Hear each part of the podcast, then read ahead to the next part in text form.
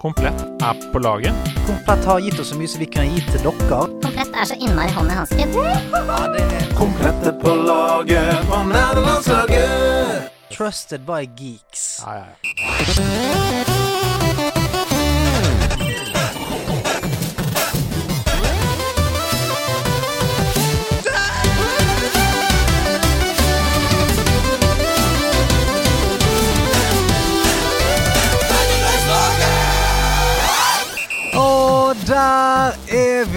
Er én dag i uken at uansett hvor grått og trist det er, så skinner det en liten solstråle gjennom skylaget, og det er denne dagen her. Det er podkastdag. Hjertelig velkommen til Nerdelandslaget. Mitt navn er Stian Blipp, og foran meg i en Er det Skyrim-T-skjorte jeg ser der? Andreas Hedel He Hedeland, faktisk. Hedemann i dag. Ja. Mm. Aho, yeah. Eh, det, eh, det er catchphrasen til en slags uh, småkåt julenisse. Aho, yeah. Er det julenisse Elvis? Å, der er du inne på noe, nemlig! Oi, For okay. Ørjan han har sendt inn en catchphrase fra um, så mye som faktisk GTA 2. Mm. Fordi i GTA 2 så var det nå skal jeg vise deg, da var det en gjeng med Elvis impersonators Oh. som, som gikk rundt i gatene. De husker jeg. Du fikk masse poeng av å kjøre over alle sammen. Yeah. Ja. Slå swang, baby. Swang, baby. Så, yeah. oh, yeah. Den uh, catchphrasen den har ligget og bobla i catchphrase-dokumentet vårt i halvannet år nå, tror jeg. Ok, og du følte at i dag Hvorfor var da, i dag dagen? Jeg vet Er det jeg følte meg uh, eh, Impersonators Day eller noe sånt? Jeg kan si at jeg følte, meg, jeg følte at jeg hadde litt eh, slack i hoftene i dag. Ok. Følte jeg var ute, oh, oh. Og så følte jeg også at jeg savner da, Jeg savner da spill var sånn. Det var så enkelt, liksom. GTA 2. Hva er det? Du skrur på spillet. Null loading. Mm. Bare gjøre hva du vil. Skyte litt folk. Ferdig. Og nå følte jeg at musikk skulle begynne, begynne og du skulle si La meg ta, ta dere med tilbake til en enklere tid. følte jeg at du skulle begynne med noe. Ja, Nei, det var ikke helt der. Men, eh, men det var liksom Det er noe med det at eh, innimellom så trenger man den kontrasten til eh, lange, svære storyer, viktige karakterutviklende karakterer. Ja. Noen ganger så vil du bare skru på og skyte litt. Ja, skru Mm. på og kjøre over noen Elvis-impersonators. eh, Squeeze. Hvordan går det med Slam, deg, baby. ditt deilige vesen? Jeg har det veldig fint. Det er en mai fylt med uh, utrolig morsomme ting Mhm. som vi driver og jobber med. Um, så fritiden min er fylt med ting. Uh, følg med i våre sosiale mediekanaler. For nå- å si det sånn. For nå skjer det ting. Nå skjer det ting. Ja. Ja. Og så har jeg gleda meg til dagens episode også, fordi um, vi, det er, vi har en sånn miks av mennesker her. Ja, Og noen ganger så er det noen som er litt sånn Vet du hva? Har litt gjennomslagskraft. Kan, kan få ting til å skje, liksom. Noen som, eh, ja, noen som, vi, har, som vi har veldig lyst til å, å snakke med, Ja. for å kanskje se, se om vi klarer å snirkle tentaklene våre inn i de høye herrers gård eh, noen ganger. Men vet du hva? Eh, dagens gjest, det som var veldig viktig, for et par måneder siden eller kanskje, så hadde vi et, eh, et opptak med Senkveld. Og da var, eh, eh, da var det en del politikere der. Mm. Og eh, da kom eh, han som var en, av, en av de som var i følge til, til Venstre, kom og så sa han Du, eh, jeg skal bare hilse fra eh, Grunde Almeland, eh, statssekretær, kunns eh, Kunnskapsdepartementet, og si kjøttet går. Og da var jeg så glad. Altså Hver gang, jeg, eh, hver gang noe sånt skjer Altså, jeg ble to meter høyere, jeg fikk mørkt hår plutselig, snakket litt mørkere. Så det var helt nydelig. Så da tenkte jeg, vet du hva, han må vi bare få på besøk. Hvis det sitter en, hvis det sitter en nerd og, og, og brenner inne med, med, med kunnskap om eh, sverd og okariner inne på Stortinget, da må vi få han Ja. her med én eneste gang. Mm. Og jeg kan røpe at eh, det har vi, da. Ja! Ja. Grunde er eh, til stede. Skal vi, skal vi ta han inn, eller har du lyst til å legge til noe om uka di? Nei, jo, uh, uken min er ganske uh, Ja, kjedelig, altså. Ja, var aleine med ungen i helgen, sant. Ja. Ikke, ikke noe gøy det heller. Nei, da Gulv, synes jeg- Gulvet var lava. Det, er Ja, det så jeg ni Ja. timer eller noe på lørdag. Veldig lenge. Eh, og jeg, jeg må nå måtte si at uh, For hver gang jeg går på teppet nå, så. Hei, gulvet lava! Klikker det for min data. sant? Så må jeg bare si du, jeg har funnet på at lavaen sover. Å ja! Lavaen sover Når du kommer hjem fra barnehagen, nå sover den litt. Sånn. Kan jeg få hvile? Jeg gleder meg til hun begynner på skolen i naturfagen, og læreren bare 'Lava, veldig farlig, kommer etter orkaner'. Ikke når den sover! Ja. Ja, du kan gå for hun, hun kommer til å snakke sånn, tror jeg. Ikke når sovet. Ja. sover! Ja, du kan gå på den sånn mellom fem og syv, tror jeg. Det er pappa sa. Ja. Eh, sånn kommer hun eh, til å snakke. Og så brister hele verdensbildet. Pappa lyver. Ah. Lava er kjempefarlig hele tiden. Og teppet vårt var ikke lava, det var bare et teppe. Du, eh, gi meg intromusikken, nå skal jeg eh, slenge den inn her. Vår gjest er født 1991 i Bergen. Han er statssekretær for Kunnskapsdepartementet. Han er nydelig. Han sitter her i dress med det nydeligste smilet i byen. Det er Grunde Almeland, mine damer og herrer. Hei, hei, hei! Halla igjen. Oh, Velkommen. Du, Utrolig hyggelig å få lov til å komme hit. Dette er så kjekt. Ja. Har du hørt, hører du dialekten hans, Andreas? Ikke, Ja. ikke det fantastisk? Altså, jeg har, eh, jeg har den dialekten i stereo nå. Ja. Både fra venstre og høyre. Det er deilig. Um, dobbelt så mye er bedre enn bare én. ja. Jeg føler han jo blir ekstra brei når jeg sitter her med deg, Stian. Fordi Ja. du har jo en ganske brei bergensdialekt. Jo, takk skal du ha. Mm. Takk skal du ha. Det er sånn som da vi hadde besøk av um, uh, Elling Borgersrud fra Nei, Aslak? Nei. Er Aslak Borgersrud, ja. Aslak Borgersrud. ja. Fra Gatas Parlament. Det er som da vi hadde besøk Elling, av som du kaller han. Du kaller det Elling, du. Jeg trodde du likte Gatas Parlament. Sånn, dette, er, dette er måten Stian Mm. for at jeg ikke skal få klippe Ja, det er det. når jeg sier noe feil. Mm. Uh, da vi hadde besøk av han, Elling. så El Så ble jeg veldig Oslo-ete, husker du det? Ja.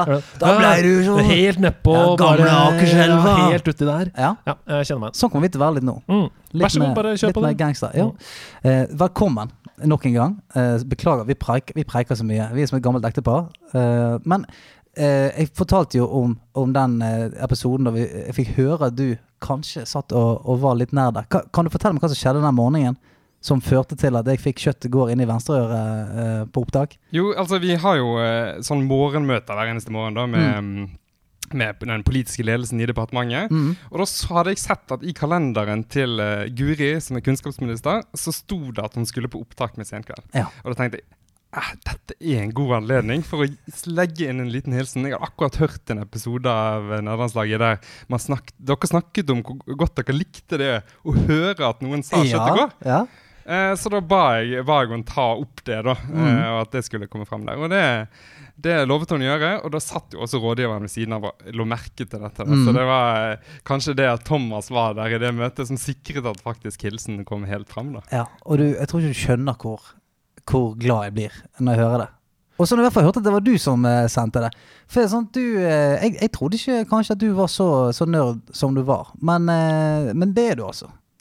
Ja, nei, altså, det, det er jo typisk det. sant? Når politikere begynner å snakke om, om eh, ting som man ikke forventer at politikere skal snakke om, så er fort uh, forventningen der ute at uh, her prøver vi å fiske stemmer, Ja, ja, ja. eller at vi liksom et eller annet vil prøve å lure oss inn i noe miljø. Ja, for det er jo, det er jo sånn for eksempel eh, Altså, det det er jo typisk. Politikere som aldri har vist sin side, så sier sånn 'Jeg liker skating', jeg. Så bare Ja, typisk at du plutselig liker skating. Du er 45 år, du skal, du skal ha skatestemmer, du nå. Men det, men det er helt sant. Første gangen jeg eh, sa noe om gaming, da, egentlig e-sport eh, hadde et, Jeg hadde skrevet en eh, sånn leserinnlegg om det, så, som jeg, tror, jeg tror det var på gamer.no. Ja. Og da, eh, da eh, fikk jeg en mail etterpå som sa bare Vi tror ikke på at eh, du, eh, du eh, driver med gaming. Så jeg var litt sånn Hm, det er første gangen eh, noen har eh, Altså Fra min mor, for eksempel, så har jeg hørt at jeg driver veldig mye med gaming. Ja. Men eh, fra andre så hadde jeg liksom ikke helt Hadde ikke helt forventet å få den, da. Faen så frustrerende, da. Ja, nei, men det første, Noe av det første jeg måtte gjøre, da var å stille opp i en, en annen podkast, E-sportsonen. De Ja. fikk meg til å stille opp i en og en halv time da, for å liksom forsvare at jeg faktisk kunne noe Ja, om e-sport. Det er tidlig. Ja, for spør spørretimen, altså det blir helt annen. Fredrik Solvang står der og prøver å, Ja. å grave e-sport. Vet du hva, jeg har, jeg har vært på Debatten på NRK. Det er mye hardere når du får spørsmål direkte fra de som bryr, virkelig bryr seg. Det er så gøy, fordi det, det var det som var mitt oppfølgingsspørsmål, nemlig om dette er en slags renvaskelsesprosess, det å komme her til nederlandslaget. Nå kan vi spørre ute. Ja, OK, du, ser, du sier at du er gamer, men spiller du, da? Ja, men spiller du, da? Ja. Ja, Det er det vi skal finne ut av. Men altså, vi tror på deg. Og hvis du føler deg snytt for den der eh, varme mottagelsen som kommer når man, når man sparker opp døra på nerdeskapet, Mm. så kan du, du gjøre det en gang til, så skal vi gi deg den, eh, den mottagelsen som du fortjener. Bare si en gang til at faen, jeg er nerd. Folkens, jeg, eh, jeg tror jeg er nerd. One of us! One of us. Jeg visste, vet du hva? Jeg har, jeg har trodd det om deg hele livet. Jeg. Ja. Altså, kan jeg bare si at Hvis jeg hadde fått den samme re reaksjonen da jeg kom ut av skapet, så, hadde vi- så hadde, Altså, det er den reaksjonen folk vil ha. Ja, det er jo den vi vil ha, sant? Hører dere det? Ja. Alle som sitter og hører på nå, og som vurderer det, kom ut av skapet. Uh, si det til vennene deres. Jeg trenger Nå trenger jeg at dere jubler, Ja. klapper. sier one of us, eh, så blir det lettere. Jeg er helt, helt enig. Nei, men du, vi er jo bare super, superglad eh, for å få en til i rekkene. Eh, og i og med at du har det mandatet som du har, du jobber liksom med kunnskapsministeren, du jobber i Kunnskapsdepartementet. Her er jo du Du har jo på en måte et lite litt vekt å bære her for oss eh, spillere, da. Ja, absolutt. Altså, vi, det skjer jo utrolig mye kult rundt omkring i, i Nerde-Norge. Altså, hvis dere, jeg satt jo to år på Stortinget først, før jeg kom inn i, i, der jeg er nå, i Kunnskapsdepartementet. Og noe av det jeg gjorde mest av, den tiden der man fikk lov til å reise ut fra Oslo. Oh, wow. Det var en Ja, fin tid. jeg husker det. Oh, ja. Men det var å dra på besøk da, for til skoler som, som har gaming på timeplanen. Mm. For eksempel eh, Nordahl Grieg videregående skole i Bergen. Ja, ja. Sant? For å bare sørge for at vi nå drar Ja, ja. dette tilbake igjen Ja, til. Bergen. Bare fortsett. Så, Griggen, ja. så eh, Gamle Grügen! Gamle Gregisen, ja. Gregers. ja. Men den skolen den har faktisk ansatt to spillpedagoger. Oi! Det er så fett, det. Sant? Og der sørger du for liksom, at du har to folk som er fulltidsansatt, som hjelper lærere som er liksom, litt, kanskje litt sånn utdatert, ikke helt vet hvordan de skal manøvrere seg i denne spillverdenen. Mm. Og så sørger man for at man får kul og bra undervisning der spill også blir brukt med. Og det er liksom, Den type folk fins det masse av rundt omkring i Norge. Og jeg tror jo at vi som, eh, som eh, politikere vi har litt sånn, litt sånn ansvar for å sørge for at vi kan få flere av de folkene. Og at faktisk at skoler f.eks. skal ha råd til å ansette sånne kule folk. Du sier litt sånn ansvar. Ikke masse ansvar, da. Nei, Det er politikernes måte å si at vi har alt ansvar, men prøver ikke å holde oss ansvarlig for det. Da har jo vi politikere litt, litt grann sånn ansvar for å se om vi kan tilrettelegge. Men det der, synes- det der jeg hyller jeg, for det at eh, eh, å ha pedagoger som på en måte har som jobb sånn, Akkurat samme som eh, da jeg var Da jeg var kid, da hadde vi som en EDB-ansvarlig. Det var liksom For da, da var det en fyr som måtte komme og sitte på PC-en for de andre lærerne, for de ikke skjønte en drit og sånt. Og, og nå, når vi er der vi er nå, da trenger vi en, en gamingpedagog på skolen. Fordi at eh, altså Olga Marie på, som, på 63 hun, hun er ikke så keen på å lære seg gaming som eh, eh, utdannelsesverktøy. Tror jeg. Jeg, jeg, altså jeg føler vi trenger en gamingansvarlig i alle ledd i samfunnet. Ja. Vi trenger en gamingansvarlig i Ruter. Som kan bare eh, kjøre trikk og bare ha gamingkompetanse. Vi trenger gamingansvarlig på Kiwi. Vi trenger gamingansvarlig i alle ledd av Altså, samfunnet. akkurat det med Ruter er jeg ikke så sikker på. Jeg syns det er vans vanskelig nok å kjøpe billett på Ruter. Ja, men om vi det ikke måtte liksom komme med gjennom med tre nivåer av Tetris for å Det er det, du, må, du må gjennom et plattformspill, og så på slutten så får du månedskortet ditt. Det er derfor du må ha det, for du må ha en som har spillerfaring, som kan legge til rette for en uh, brukervennlig HUD-opplevelse, uh, osv. Ja, jeg er klar for en spillopplevelse der du kan prøve liksom å dodge de der eh, kontrollørene og sånn. Det er jeg klar for. Siste bossen der når han kommer inn og skal ta med deg. Her kommer ispause. Oi, oi, oi! Hva skjer? Ut av ingenting! Ispause. På en pinne skal det skje.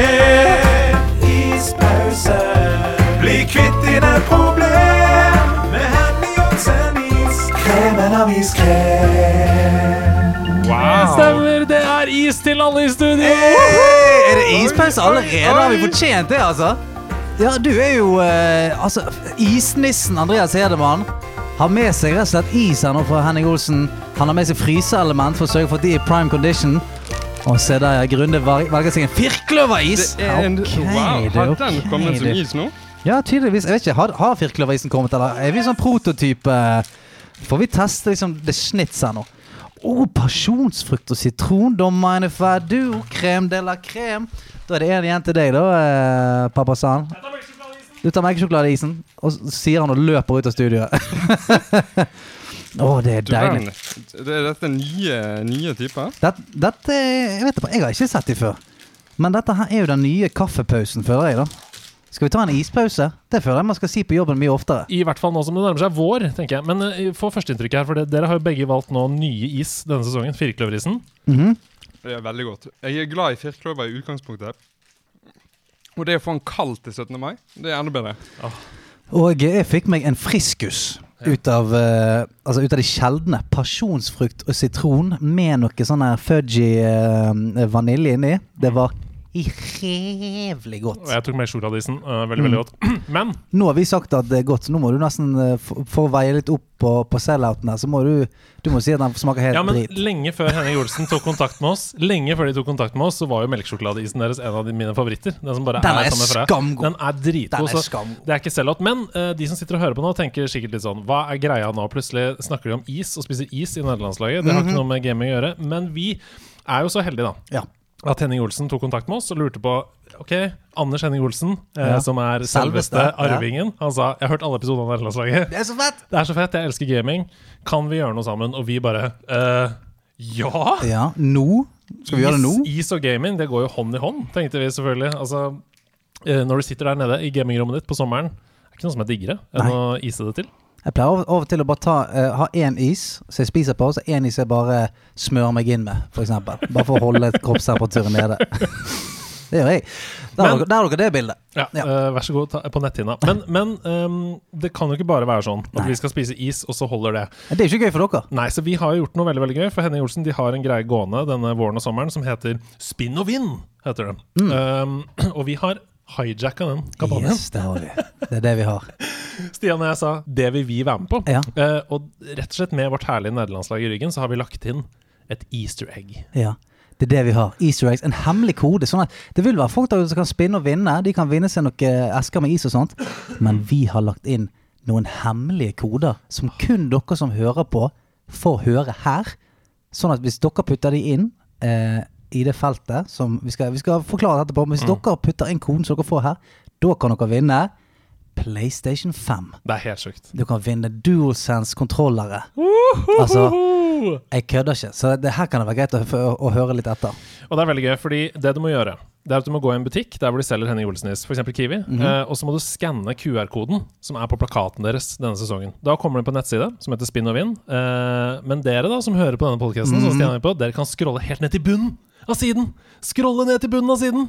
Og finne nerdelandslaget-logo som dere kan trykke på! Oh, shit.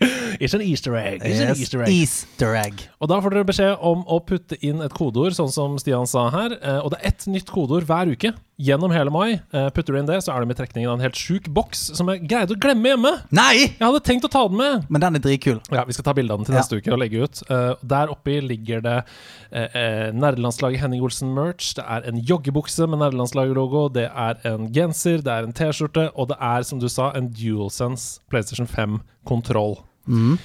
Men det er ikke alt. For hvis du er med da gjennom hele mai, slenger inn disse kodene som vi legger ut, så får du ett nytt lodd til da muligheten til å vinne The Main Box, som også har en PlayStation 5 i seg. er helt sjukt! Det er ikke mulig å få PlayStation 5 noe sted. Nei, Nei, det skal jeg love deg. Jeg har prøvd og jeg har prøvd. Umulig å få tak i. Ja, så Hvis du- vi- du hvis vi- litt, du. Hvis vi bare kutter ut denne delen av podkasten, så kan jeg bruke denne informasjonen. Så du er den eneste som har lodd i denne konkurransen her? Da tror jeg vinnersjansen er ganske stor.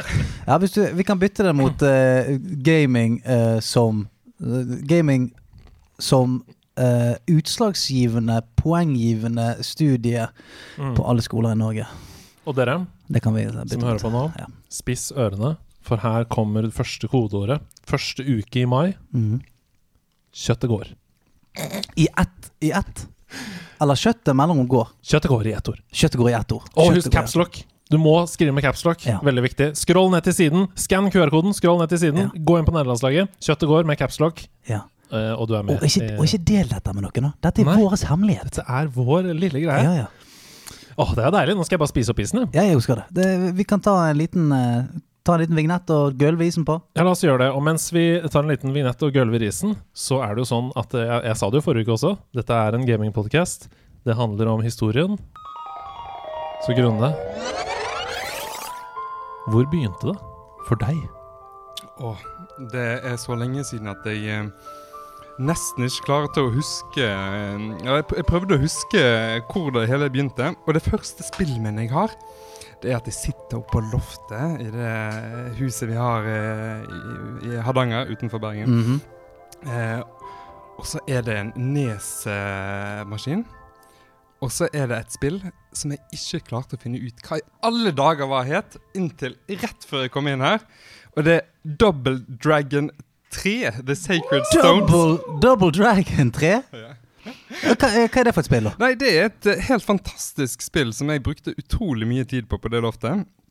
Som handler om at jeg vet ikke hva. To, eh, to eh, fyrer som er, er i en dojo i USA et sted, skal ja. slåss mot en haug med folk og reise rundt i verden og finne noen sånne edelsteiner. da Ja, så Det er litt sånn Streets of Rage-ish. Sidescrolling uh, punch em up. Bjabbe, Bjørn Magnus Midthaug, som har vært eh, gjest her et par ganger, han er veldig glad i Double Dragon 3 eh, og har snakka mye om det. Og det er jo klassisk, de der gamle spillene der. Eh, det var en sånn Ninja Guiden også, i samme gate-ish, er det ikke det? Altså, jeg har jo det, Jeg har ikke så veldig mye mer minner fra, fra Neset enn akkurat det ene spillet. Mm. Fordi jeg har en veldig streng, streng mor. Uh, hun hører ikke på denne podkasten, så jeg kan si det. Så det er bare å dra på. Ja, fordi hun sa basically at eh, jeg, jeg hadde lov til å spille på den nesen som var tillatt mine søsken som er ti år eldre enn meg. Den hadde jeg lov til å spille på eh, i helger når det regnte om vinteren. Så det er liksom Sjansen for å få lov til å dra fram den maskinen var relativt liten, da. Åh, tenk, å, tenk å håpe på regn så mye. Å fy, håper det blir drittvær til helgen. Ja, også, eh, det var jo før eh, Jeg skal ikke påstå at det var før klimaendringene, men det var før de slo så hardt til at eh, det snødde som oftest om vinteren òg. Ja. Men jeg hadde det på akkurat samme måten. Jeg hadde jo ikke spillkonsoll hjemme, men f.eks. på hytta, da. Veldig sånn sommerparadis, fiske krabber og sånn. Eneste gangen jeg fikk lov til å spille, det var hos min fastboende nabo på hytta. Selvfølgelig Bjørn Magnus, dobbeltnavn. Mm, selvfølgelig. Alle vennene mine har hatt dobbeltnavn hele Ja. mitt liv. Bjørn Magnus, eneste gang jeg fikk lov til å spille hos han, var hvis det regna. Så jeg, jeg våkna, og så var jeg sånn, eh, som alle andre barn, som tenker 'Å, sommer, sol, ut og bade'. Ah, tenkte jeg. Solbrent, Ja, fiske krabber, Saltvann i sand i badebuksa. Ah. Jeg får ikke lov å game. Tenkte jeg, da. Ja, altså, og det skjønner jeg veldig godt. Det skjønner jeg, men altså, jeg syns i hvert fall de kunne insentivisert det på en eller annen måte. Sånn, du, hvis du får 15 torsk, skal du få spille. Da kan du i hvert fall jobbe for det. Ja, Istedenfor for å sitte på nåde av, av værgudene. Ser du for deg han fyren her får 15 torsk? Med nevene. Ja, du i et lite lendeklede og et spyd som driver og nøkker torsk fra bryggen der? Men nok om meg. Eh, tilbake til nesen din. Ja, men Vet du hvordan jeg løste dette problemet? da? Nei, jeg aner ikke. Det var med at jeg gjorde en ting som jeg vet folk i nederlandslaget liker, i hvert fall noen. Og det er at jeg dro til en kompis og så så på at han spilte. Ja, ja. Det beste! Så det er mitt første spill som virkelig liksom tenkte at spill er helt fantastisk. Det var jo selvfølgelig Final Fantasy 7. Oi, Åh, wow. wow. Og det har jeg sett på hos min kompis David hele veien. Det var ett punkt i det spillet som jeg aldri har sett, og det er når eh, Cloud kjører på snowboard. På den scenen han kjører på snowboard Ja, nedover. ja, ja. Og den fortalte David meg om at han hadde spilt uten at jeg hadde fått sett det. Da, da er det bare å slå opp med en gang. Ja, vi holdt, Det var et veldig vanskelig tidspunkt for Ja. vårt vennskap. Så du satt og så på gjennom tre-fire disker med, med Final Fantasy? Det gjorde jeg. Fy Wow. flate. Vi var gode venner. Har du spilt remaken som kom nå? Nei, jeg har ikke det. Jeg har ikke konsoll for tiden. Hæ?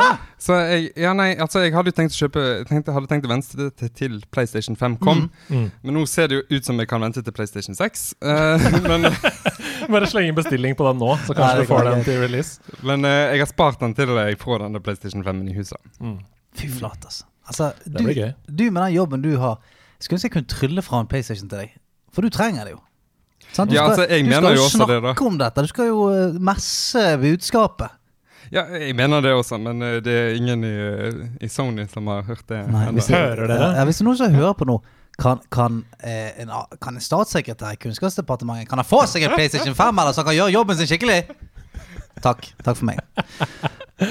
Elsker det. Men det du kunne gjort, da altså, jeg, For jeg så nylig eh, den veldig gode filmen 'Det regner kjøttboller'. Ja, det er sånn man ser når man har Det er sånn man ser når man er kids. Mm. Uh, Skru over til PlayStation 5. eller? ja, ja, men, men, men han, lag, for, han lagde jo en sånn maskin som kunne få det til å regne. Ja.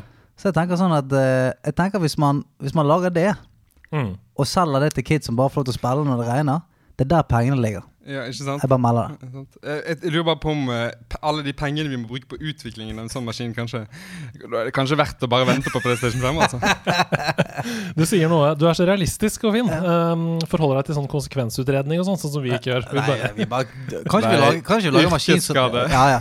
Det er sånn vi tenker rundt politikk. Kan ikke vi bare lage en maskin som lager kjøttboller? da? Ikke, har ikke løst mye? Jeg har jo sett det. Bare Gjør det på TV. Ah, det, det verste er at jeg får av og til sånne mailer. Ja. ja. Kan ikke du bare fikse det, da? Det, altså, kan Kanskje du bare fikser det, er jo for så vidt greit nok. Det, Mm. det er alt, men sånn eh, en, Jeg så en eller annen dokumentar om eh, disse magiske spagettibollene. Ja.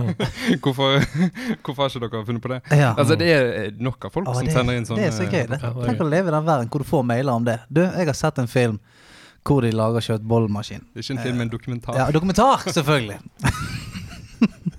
Kanskje dere bare gjør det, da? Er det, hvorfor er det ingen som tenker på det på Stortinget der? Skal jeg fortelle deg om en som ikke hadde kjøttbollmaskin? Det var hovedpersonen i Final Fantasy 7. Hvor gikk det videre? videre? wow, for noen segways! Hvor gikk det videre Hadde ikke videre kjøttmaterie. Hva var det neste du spilte? Nei, altså, jeg hadde jo ikke da konsoll. Så fikk jeg jo etter hvert en Gameboy Color. Mm.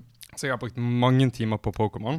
Hvilken farge på Gameboy Color? Eh, det, altså, det husker jeg ikke. Nei. Men jeg husker veldig godt fargen på det lyset som sto inni. Den var grønn. Ja, det, ja for det, og det tappa batteriet godt. Så Eh, det, det det batteriet batteriet veldig godt. Så Mm. den, det lyset solgte jeg til eh, en annen kompis, het Mm. Stian, for mm. dobbelt så mye som jeg kjøpte det for. Oi! Altså det, det Businessman tidlig. Gründer. Lurte rett og slett Stian. Det syns jeg fortsatt er, fortsatt er litt vondt å tenke på. Hvis du hører på, Stian. Beklager. Beklager. Men eh, eh, så mange timer av Pokémon. Men så kanskje det første spillet som jeg virkelig brukte tid på, det var jo Runescape. Ja! Mm. Og det liksom introduserte meg for MMO-sjangeren. mm. Og jeg er eh, til den dag er veldig glad i, i online-spill. Eh, men så fant jeg et spill som jeg tror ikke så veldig mange har spilt, men som jeg har brukt så mange hundre timer på. Og det er Puzzle Pirates. Puzzle Pirates. Wow! Puzzle Ja, Pirates, det, ja. har, det har unnsluppet meg, altså. Men jeg må bare få lov til å ta det opp her. Fordi Ja, det er et av de Altså, det, det er et spill som går ut på at du er en liten Altså, du er en pirat i en sånn 2D-verden, Mm. og det er et online MMO der du skal gjøre puslespill for å få liksom eh, dagene til å gå rundt. Ja. Wow. For eksempel så er det sånn at du kan eh, reise på en uh, pillage, eh, en tokt med, med en båt som du har fått bygget selv gjennom å gjøre ulike puslespill. Mm. Og for at båten skal gå framover, så må du ha en som gjør puslespill for seil, en som gjør puslespill for å, å ta ut vann av båten, en Så- som gjør puslespill Alt handler om å gjøre puslespill for å utføre oppgavene. alt er pusling. Ja, og det som er det er to ting som er fantastisk med det spillet. For det første er det at eh, du får ranking i puslespillene. Ja. Sånn at hvis det, Målet er jo å få trofé ultimate Mhm. i hvert enkelt puslespill. Som eh, Jeg må bare si det er ultimate pirate. Ok. Oi, oi, oi! Okay. Det er noen som hører på, som kommer til å skjønne at det er ganske heavy. Legger det rolig på Alle bordet. dere tre som har spilt Ja. Puzzle Pirates, dere skjønner hvor Mm. stort dette er. Dere snakker om en ultimate pirate her, ok? Og jeg var faktisk i det ene puslespillet som handler om å få ut vann av båten, så var jeg ranket som nummer én i verden. Oh, lord! Og dette er jo et MMO. Jeg, jeg sitter og prøver å lese meg opp litt på det her nå, for jeg har aldri hørt om det før. Eh, eh, altså bare eh, Hold dere fast. For det første så har det ni av ti på Steam. Oi, oi. Det er dritbra. Men når kom det ut? I 2003. Ja vel, ja. Det har, så det er 20 år gammelt, og det har 78 av 100 på Metacritic. Så imens alle, så imens mens alle spilte World of Warcraft, så tenkte du det der går over. Jeg tror Puzzle Pirates blir det som tar over dette Ja, greiene. det gikk jo det gikk litt dårlig med det etter hvert, men, um, så nå er det ikke så mange som spiller det lenger. Nei. Men uh, jeg tror WoW tok innersvingen uh, til slutt på Puzzle På Pirates. Puzzle Pirates Men det- Det hadde ikke jeg forventet, da. Nei. I det hele tatt. Men, uh, men, men det er uansett sykt å, å ha vært nummer én i verden på noe som helst i et spill. Uansett, faen. Ja da. Så det, jeg har trophyet, så det går an å se på min pirate page. eh, så, da finnes den. Piratepage.net.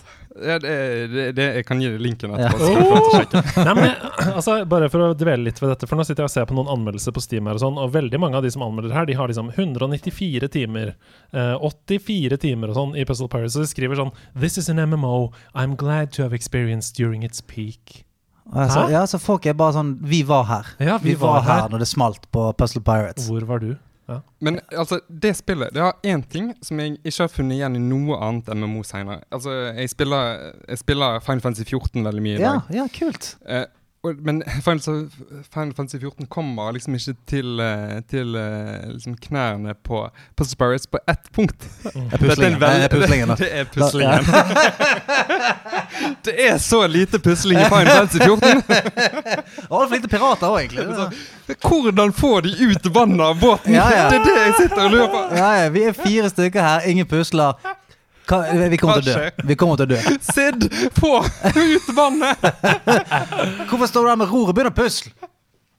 Det er Ah, faen meg gøy. gøy. Ja. Nei, men det, det som Puzzle Pirates har, da, er at det er, var ekstremt spillerstyrt. Ja. Så absolutt alt i spillet er styrt av spillerne selv.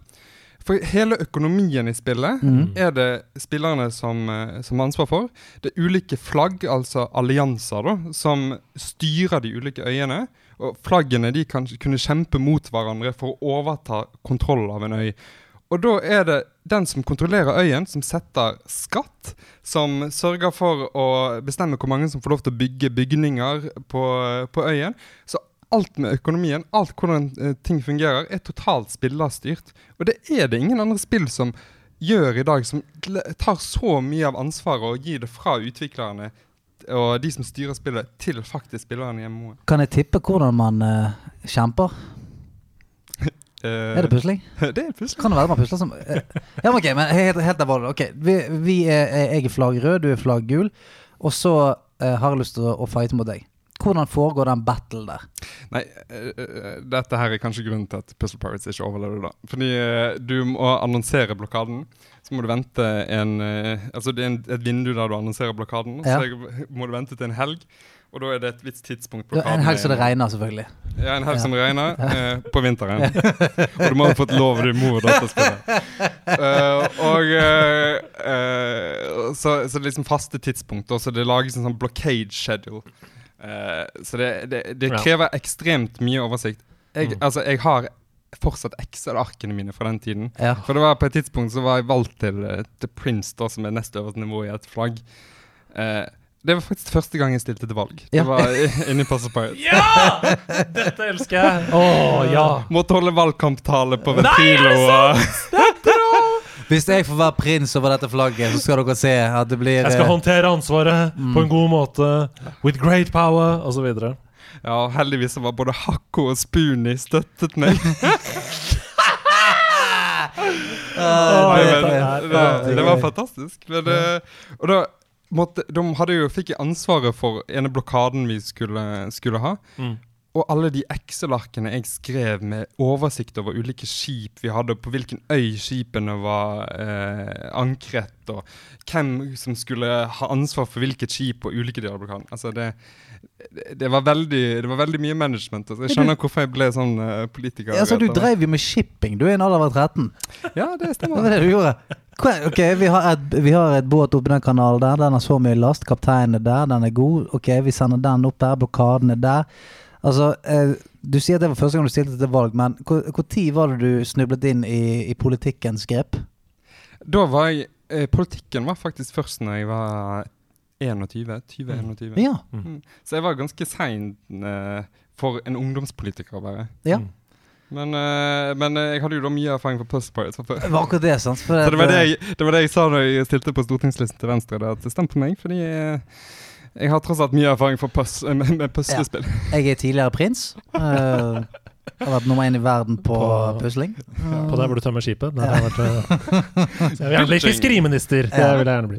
Nei, men Puzzle Pirates har åpenbart prega deg som spiller, og sikkert også eh, sagt noe om hva slags type spill du liker godt. Så liksom, hvor gikk veien videre fra Puzzle Pirates? Og ikke minst, er det liksom noen høydepunkter du kan trekke fram som du kjenner sånn Det har prega meg. Det har gjort meg til den jeg er. Ja, altså, jeg har jo da tydeligvis lagt min elsk på spill som krever at du bruker mye tid på å sitte og bare tenke og få Mm. oversikt. Så det liksom De største spillene for meg har vært Civilization-serien, for eksempel. -hmm. En helt fantastisk serie. Så mange timer, spesielt i fire og nå seks. Mm. Eh, og så eh, har jeg jo brukt Men så har jeg også likt veldig godt Um, type RPGs, altså Mm. JRPGs. Masse, jeg har spilt veldig mye Final Fantasy. Eh, men det er også spill der du kan virkelig liksom dykke deg ned i og bruke veldig mye tid på å Yes. liksom lese hvilke Uten at det kanskje i sånn realiteten har så veldig mye å si hvilken materie du bruker. Eller, Men, men, du, men det er gøy å ha muligheten til å, å kitle litt rundt med det. Og, og altså, jeg er jo sånn Uh, Jeg elsker jo RPG uh, overalt, men eh, sånn, sånn generelt, sånn Civilization og sånt, eh, spill der jeg ser at oi, dette kommer til å bli mye jobb, så kan jeg fort bli sånn Åh, det gidder jeg ikke. Men du virker som en fyr som på en måte sitter og bare sånn Å, her er det mye jobb som skal gjøres. Knekker fingrene og sier 'bring it on'. Å, her trenger vi 70 timer. Denne verdenen skal bare fikses. Ja, dette må fikses. Dette må ordnes. Men, men ja, fordi da, du blir kanskje inspirert du, da, av å se på en måte dybden i systemet. Og, og du blir nysgjerrig, du har lyst til å grave, du har lyst til å finne ut av hva som skjer dersom du gjør det og det. Og Ja, og det beste, det beste følelsen i spill er når, spesielt i starten, når du åpner det og du ikke skjønner hva som skjer. Mm. Og du, liksom at uh, du åpner spillet, det er mange ulike ting. Du skjønner at på et tidspunkt så kommer jeg til å få kontroll på dette, Ja. men akkurat nå så skjønner jeg ikke en drit. Mm. Og det er så Ja, inspirerende. det er deilig. Det er deilig. Det er som livet. Det er som livet seg Det sjøl. der, det, der du sier nå er veldig inspirerende for meg, fordi jeg var veldig sånn før. Men etter at jeg ble voksen, og sånn, så har attention spanet mitt gått drastisk ned. Eh, og, også pga. iPhone og alle andre kilder som på en måte eh, krever oppmerksomheten din. Så nå kan jeg bli litt stressa av det der. At jeg blir sånn Ja, men jeg vil bare skjønne, skjønne så fort som mulig. Men når du sier det nå, så tenker jeg sånn Ja, du har jo helt rett. Det var jo sånn jeg var før. Det var jo som et stort lerret som jeg bare kunne fylle med Ja. hva jeg ville. Ah, det skal jeg ta med meg, altså. Ja, det må du ta med deg. Og du har jo òg gått videre til Så du sier du spiller MMO, eh, altså i hvert fall spilt det nylig, eh, Final Fantasy 14, som òg er et gigantisk MMO. Eh, altså det har, nå, Vi nærmer oss fjerde expansion nå, kan det stemme? Åh, jeg gleder meg så mye til Endwalker. Ja, fjerde expansion. Det er, altså det er et haug med forskjellige klasser og leveler og eh, jobber. Og det, det er massivt svært. Det er sånn, Man kommer aldri til å, å, gjøre, å klare å gjøre alt som er i det spillet. Og det, er, det, er det din kopp med te? Bare Ja. sånn Det er mitt uh, right up my alley. Ja. Så det, er- ja, Final Fantasy 14 har jeg jo brukt veldig mye tid på, spesielt det siste året. Jeg, jeg begynte på Final Fantasy 14 litt seint, fordi jeg var, jeg var litt sånn redd for at jeg skulle bruke all tiden min til det. Ja. Og så tenkte jeg i fjor når pandemien kom, så tenkte jeg shit, jeg vil da prøve litt på dette spillet. Nå er det ikke så mye reising uansett. Og så et halvt år og 600 timer seinere tenkte jeg at Kanskje tok det litt tid, ja. Men eh, faen, så gøy det er. Det er jo gøy, da. Det er jo dritgøy. Du snakker til en fyr som har eh, Vi gjorde en oppregning eh, på en stream vi hadde. Hadde vel en rundt eh, Hva var det? 290 Det var nærmere et, Døgn? et, et, et år. Ja, 290 døgn inni i World of Warcraft. Ja, men Man blir jo helt sprø, da. Altså, jeg, jeg tok meg sjøl i et tidspunkt her Jeg snakket med denne eh, FC-en min, da, eller gildet inne på Ja. Fancy 14. Og eh, de spurte om jeg hadde lyst til å være med på, eh, være med på noe sånn event de hadde. Så jeg nei, du, jeg er litt opptatt med for jeg skal, jeg skal rydde banken Ja. i spillet. For jeg må ha et system, da, så jeg vet hvor alt, hvor alt er. Tenkte jeg på, hm, kanskje, kanskje noe er litt dypt i det. ja. Jeg kan ikke være med dere og spille det faktiske spillet. Jeg må organisere noe ore, noe hvete, noe diamanter Å ja, på, på gården din? Nei, Nei. i spillet. inni spillet. Her. Ja, Så jeg kan ikke det, der har du det organiseringsgenet da, i, i meg. Men hvis du skal oppsummere da. eh, er du liksom en PC-fyr, er du en PlayStation-fyr? Er, er du bundet til en type konsoll, eller føler du at du er en altetende gamer som koser deg med alt? Altså, jeg har hatt litt forskjellig opp igjennom. Eh, nå, altså, jeg har jo ikke en skikkelig PC-rigg. Eh, jeg bor midt i Oslo sentrum, så det er liksom begrenset med plass. Og nå har den jeg bor med, han har tatt, uh, tatt uh, kontoret og gjort det til sitt hjemmekontor. Oh, så da har ikke jeg plass til å liksom rigge meg opp det. Så jeg, akkurat nå så har jeg en gaming-laptop da, Mm. uh, som jeg bruker. Og så har jeg jo selvfølgelig en Nintendo Switch. Mhm. Eh, og jeg har jo tradisjonelt vært veldig mye på reise, og mye av jobben min handler jo om å være andre steder enn hjemme. Så Mm. da er nettopp de eh, liksom laptop og, og håndholdt konsoll ja. det som er perfekt. Men jeg har hatt Xbox opp igjennom. Jeg hadde PlayStation 2, som jeg kjøpte utelukkende for å spille Final Fantasy 10. Ja. Mm. Og, det er dine favoritter. favoritt. Vet du hva, men altså, jeg tror, eh, jeg tror vi eh, er ganske like i smak. Jeg, begynner, altså, jeg begynner oppriktig å grine når jeg hører eh, den uh, Samarkand. Road to Sanarkand. Road, Road to Sanarkand, ja. Men uh, Sytekidane? Ja, ja, ja. Ja. Den er bare for på med en gang hvis du har den liggende der. Ja, ja, det- Bare snakk litt om hvilke minner du har knytta til det. Skal jeg finne ja. det? men altså, jeg husker jeg, det var, jeg hadde kjøpt den med PlayStation 2. Det var jeg må ha gått på ungdomsskolen eller noe sånt. Og så eh, fikk jeg jo Og jeg hadde liksom ventet på å kjøpe dette fordi jeg skulle spille gjennom alle Fine Fancy-spillene. For Ja. eneste jeg hadde spilt, var syveren. Ja. Så du skulle spille gjennom alle opp til, opp til Ja, nå, det, var, det var tanken, Ja, da. det var, Og så begynte jeg på tieren. Og det var jo en så utrolig god opplevelse. Ja, det er skamfett. Ja, og, det, og spesielt når jeg kom til det punktet der, eh, der den eh, sangen her, da, Suteki, er, er så kjente bare liksom alle følelsene. Sant? Og jeg er en person som blir lett rørt, ja. så det Den sangen traff veldig godt. Jeg klarer ikke. Kan dere stave det? Su. Uh, Suteki Dane, er det den heter? Suteki Dane? Mm. Uh, du kan sikkert søke på Fine Fancy X soundtrack. Der, vet du. Der kom Der, vet du.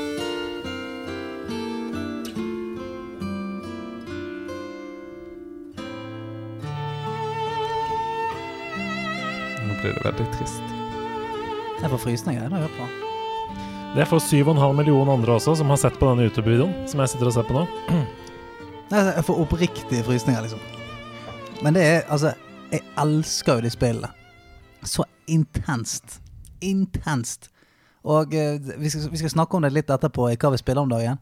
Men helsike, jeg, jeg er så dypt nede i JRPG-bøtten nå at jeg, Mm. jeg vil ikke ut derfra igjen. altså. Men jeg syns vi har egentlig et ganske godt uh, bilde av deg som gamer, så jeg syns vi bare kan gå dit. Ja. At du snakker gå ja? litt om hva vi spiller om dagen. Vi kan Ja. begynne med deg. Ja, for jeg, eh, jeg har jo lyst til å prøve å spille nye ting. eh, For jeg, nå om dagen så er det litt sånn trangt med tid, så jeg prøver som å, å spille nye ting. Sånn, sånn jeg kan preike om det på podkasten og Mm. være i hvert fall en kilde til informasjon. Content. Content. Men for noen uker tilbake så begynte jeg å spille Dragon Quest 11. Ja. Bare hell litt flere isbiter oppi der, Grunde, så vi får litt uh, fart i lynet. Jeg syns det ble litt mye oppmerksomhet på deg. uh, det, du er ikke alene om det. Men uh, Dragon Quest Mm. Jeg begynte å spille det, og uh, det er så bra, det. Mm. Eh, nå har jeg lagt ned ca. 30 timer i det, og historien bare går og går og går. Jeg så igjen spilt 30 timer. Jeg, jeg føler fremdeles at sånn hver gang jeg sitter meg ned, om jeg bare sitter meg ned 45 minutter, så er det sånn Jeg får en liten, et lite kapittel av historien hver gang. Og jeg, ja, det er som en bok som jeg virkelig ikke klarer å slutte å lese. Og det er eh, Som sagt, nå har jeg kommet såpass langt ut at nå begynner de tingene jeg virkelig elsker med, med RPG, å komme inn. Så nå er det jævlig vanskelige bosser. Du må crafte spesielle ting for forskjellige bosser. Sånn at du merker å, her er det dark attack som kveler meg helt. Å ja, faen, men jeg har jo en recipe for å lage sånn armor som, som kveler eh, dark damage med 20 Ok, prøver en gang til. Et par greier der. Altså, så er det så kult, og så er det så inspirerende eh, å spille det. For det er en sånn nesten sånn blåøyd approach til at verden går til helvete.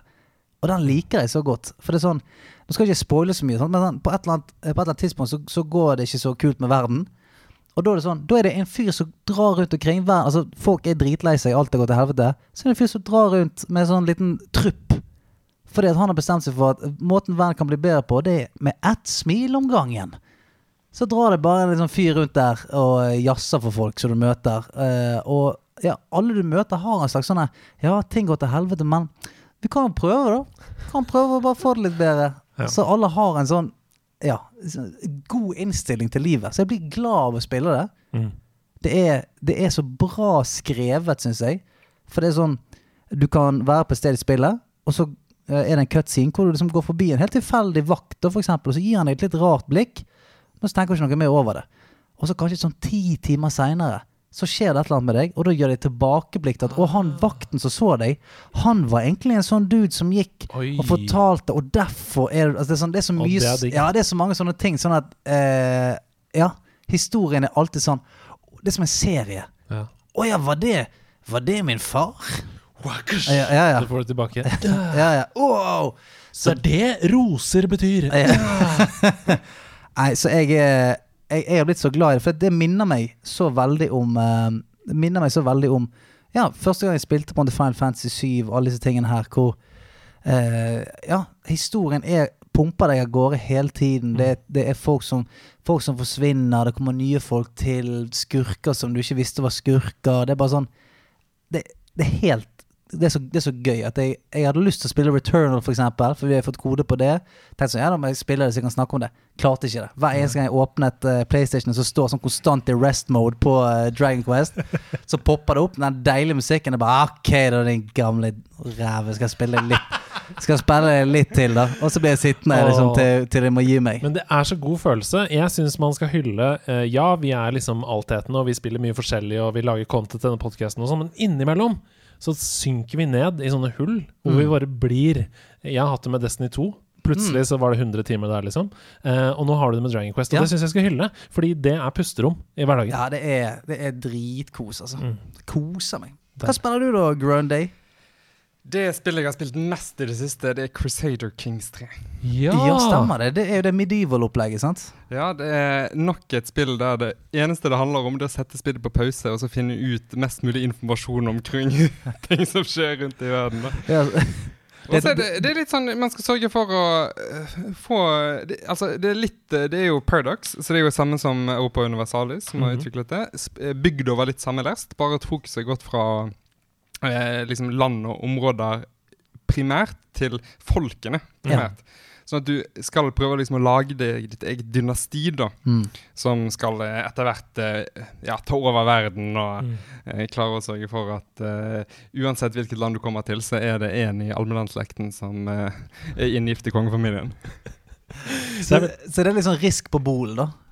Ja, det, det er veldig mye strategi. Dy, Det er liksom dyp strategispill. Nå. Det er veldig gøy. Jeg satt og så på en uh, nederlandslagmedlem som streama på Twitch. Hvis du registrerer deg, by the way Hvis du registrerer deg på Discord Hvis du går inn på Discord vår og du er en Twitch-streamer, for eksempel, så kan du få en rolle som gjør at hver gang du får live, så ser man det i siden på høyre side der. Så hvis du har lyst på flere seere, så gjør det da vel, for det er 7000 som ser at du har live. Gjennom Nederlandslagets uh, Discord. Så i hvert fall, Der satt jeg og så på en som spilte Crusader Kings 3, og jeg ble helt sugd inn. Jeg ble sittende og se på i nesten en time. Og han hadde gått for vikingslekt fra Norge, og prøvde da å få dattera til kongen til å liksom alliere seg med å gifte seg med en annen, sånn at de kunne få barn og ta over andre områder og Og vi, sånn. og vi er der, ja. Ja. Okay, altså, er det, sånn, det du må gjøre, er liksom Du må sørge for å få en god gjeng med kids. Så må du sørge for å gifte dem bort til en litt sånn perifer eh, fyr borte i Irland. Ja. Ja. Eh, og så må du eh, sørge for at den fyren da som kanskje er nummer fire i liksom arverekken i det lille eh, området i Irland, så må du sørge for å drepe etter du har gift bort datteren din. Ja. Så må du for, sørge for å drepe alle de Å, som er før i arverekken. Mhm. Sånn at den eh, fyren blir plutselig sjefen i det, på det stedet. Og da er liksom datteren din puff, inni inni der. Og sønnesønnen din blir da eh, Og da får du liksom dynastiet ditt bort i Irland. Og Så må du bare sørge for å hjelpe den delen av Irland da, til å ta over hele Irland. Og så til slutt så, så har du en almeland i hver kongefamilie i hele Europa. Faen, Det er sinnssykt. Altså, så, men hvordan, hvordan lager du babyer da på spillet? Eh, Stian, Det Er det samme som i virkeligheten? er det hvordan, eh, Har ingen hatt den praten med han? Vi har ikke turt ennå. Nei. Nei. Nei Hvordan det, det? Du går på ikea.com, Ja, og så bestiller du den utgaven du ønsker deg. da ok, Customize. ah, okay. Mm. ja. For det var det jeg gjorde. Det funket egentlig ganske greit. Men, men, altså, men er det sånn, en knapp der det er sånn 'make kid'? Eller altså, Jeg jeg spør oppriktig, for du sier jeg jeg må lage altså, nei du, etter du har giftet deg, da, så, Ja. så når du er gift, så ordner de det av seg sjøl. Du slipper oh, okay. å Det er ikke The Sims. Nei, du trenger ikke trykke på 'corporate'. Nei, det er ingen ordnings. Nei, ok, greit. Er det noe annet du spiller enn Crusader Kings 3? Ja, altså, jeg har uh, prøvd eh, å spille en del på uh, Near. Ja. Uh, det nye som kom ut Ja, nå. Replicant, ikke Mm. Yes. Mm. Eh, laptopen min er nok litt for svak til å kjøre det helt fullt ut, så det, det går veldig seint, men jeg kommer framover. Det er veldig det- Dette bryter for meg med liksom det du snakker om med store strategispill og sånn, for Near er jo nesten beat them up eller bullet hell. Altså Det går jo fort, liksom. Ja. Ofte. Ja, altså, jeg har jo savnet en, en, eh, en liksom god JRPG-aktig spill, Ja. og så så jeg bare YouTube-filmer av det, så tenkte jeg dette må jeg laste ned. Og så Mm. brukte jeg eh, 500 kroner på å laste det ned, og så funket det ikke helt. bra. Kanskje det er jeg som eh, tenker det pga. automata. Jeg har bare sett videoer av folk Jo, som er sånn Og det skjer masse greier og sånn. Ja, ja, men det er jo, er jo det. Men så er jo det igjen det der Det er jo den her eh, spillbilden i, i bunn, på en måte. Det er, Mm. det er sidequests, det Ja. er eh, forskjellige våpen med attributes og bygging av, av gear og alt det der. Sånn at jeg, jeg syns jo det RPG-elementet er ganske sånn. Mm. Og så er det deilig med Hvor lenge har du spilt? Nei, jeg har ikke spilt lenge i det hele tatt. Men liksom, det er tre timer. Nei, Det, det som er eh, det store svakheten til det spillet, som folk må være klar over hvis de kjøper det, er at det er jævlig seigt til å Mm. begynne med. Altså, eh, de fem første timene så er det seigt. Og det er liksom det er en hard sell. Men dette Mm. her er jo et spill som eh, er laget egentlig for at du skal spille det mange ganger. Mm. Fordi at du Det er 20 forskjellige endings eller et eller annet. Sånn at etter sånn rundt femtimersmerket, når spillet liksom løsner, når det, når det tør å slippe deg helt fri, Mm. da er det fantastisk. Da er det skamfett. Rå boss battles. Eh, ting flyter litt. Men i begynnelsen så, så tenker du litt sånn Er dette kødd? Ja. For det, sånn, som du har sikkert merket det sånn Ok, gå opp til hun og hent et eple. Gå tilbake igjen. Du kan gå opp igjen til hun og si at jeg likte eple. Hun likte eple. Kan du gå tilbake igjen til hun og si at det er hyggelig? Ja, det var hyggelig. Kan du gå til byen og hente eh, en sko? Hei, jeg skal hente en sko. Gå tilbake igjen. Jeg har funnet en sko til deg. Det er sånn eh, jævlig lenge sånn. Fram og tilbake. Og du bare sånn Men, men jeg er en litt sånn spiller som jeg syns OK, du vil ha en sko. Ja, men da skal jeg hente en sko til deg, jeg, da. jeg kan finne sko. Altså, Det er jo det jeg er her for. Jeg er jo skomannen. Åh, jeg elsker det. Sånn var jeg før! Jeg var sånn før. Jeg mista det. Ja, jeg sa det i stad det. også. Nå er det sånn Hvis ikke den skoen har eh, laserstråler ut av skoen jeg, må, jeg må finne tilbake det der. Jeg, vil, jeg vil også være skomannen Ja, som bare sant. Ja, men det sier noe om sånn hvor godhjertet Grunde er. Sånn. Han, Ja. han, han har kjøpt et spill til 500 kroner, og så s- de to første timene henter han sko. Så tenker han faen, det er hyggelig. Så fett spill! Jeg så får lov til å være skomannen. Så fett. I dag, eh, kjære dagbok, i dag hjalp jeg en hel landsby. Jeg fant sko, hvetesekker, faen meg gamle høne høner som stukket av. Jeg, jeg, ja, jeg, var, jeg betydde noe i dag. Så det, er jo, så det er det som er fint med sånne MMO-er Ja. også. sant? Du kommer inn i et sånt fint gild, og så sier de 'Hei, du, du nye fyr, kanskje du driver og henter masse sånne ressurser til oss?' 'Jo da, det kan jeg også.' Du er altså den Er du del av gjengen, da? den perfekte ansatt i alle steder. Ja, ja. Kan ikke du gå og gjøre det? Jo, faen, så hyggelig at du spurte meg om det. Det skal jeg pinadø meg gjøre. Skal jeg få lov til å skrive referat fra dette møtet?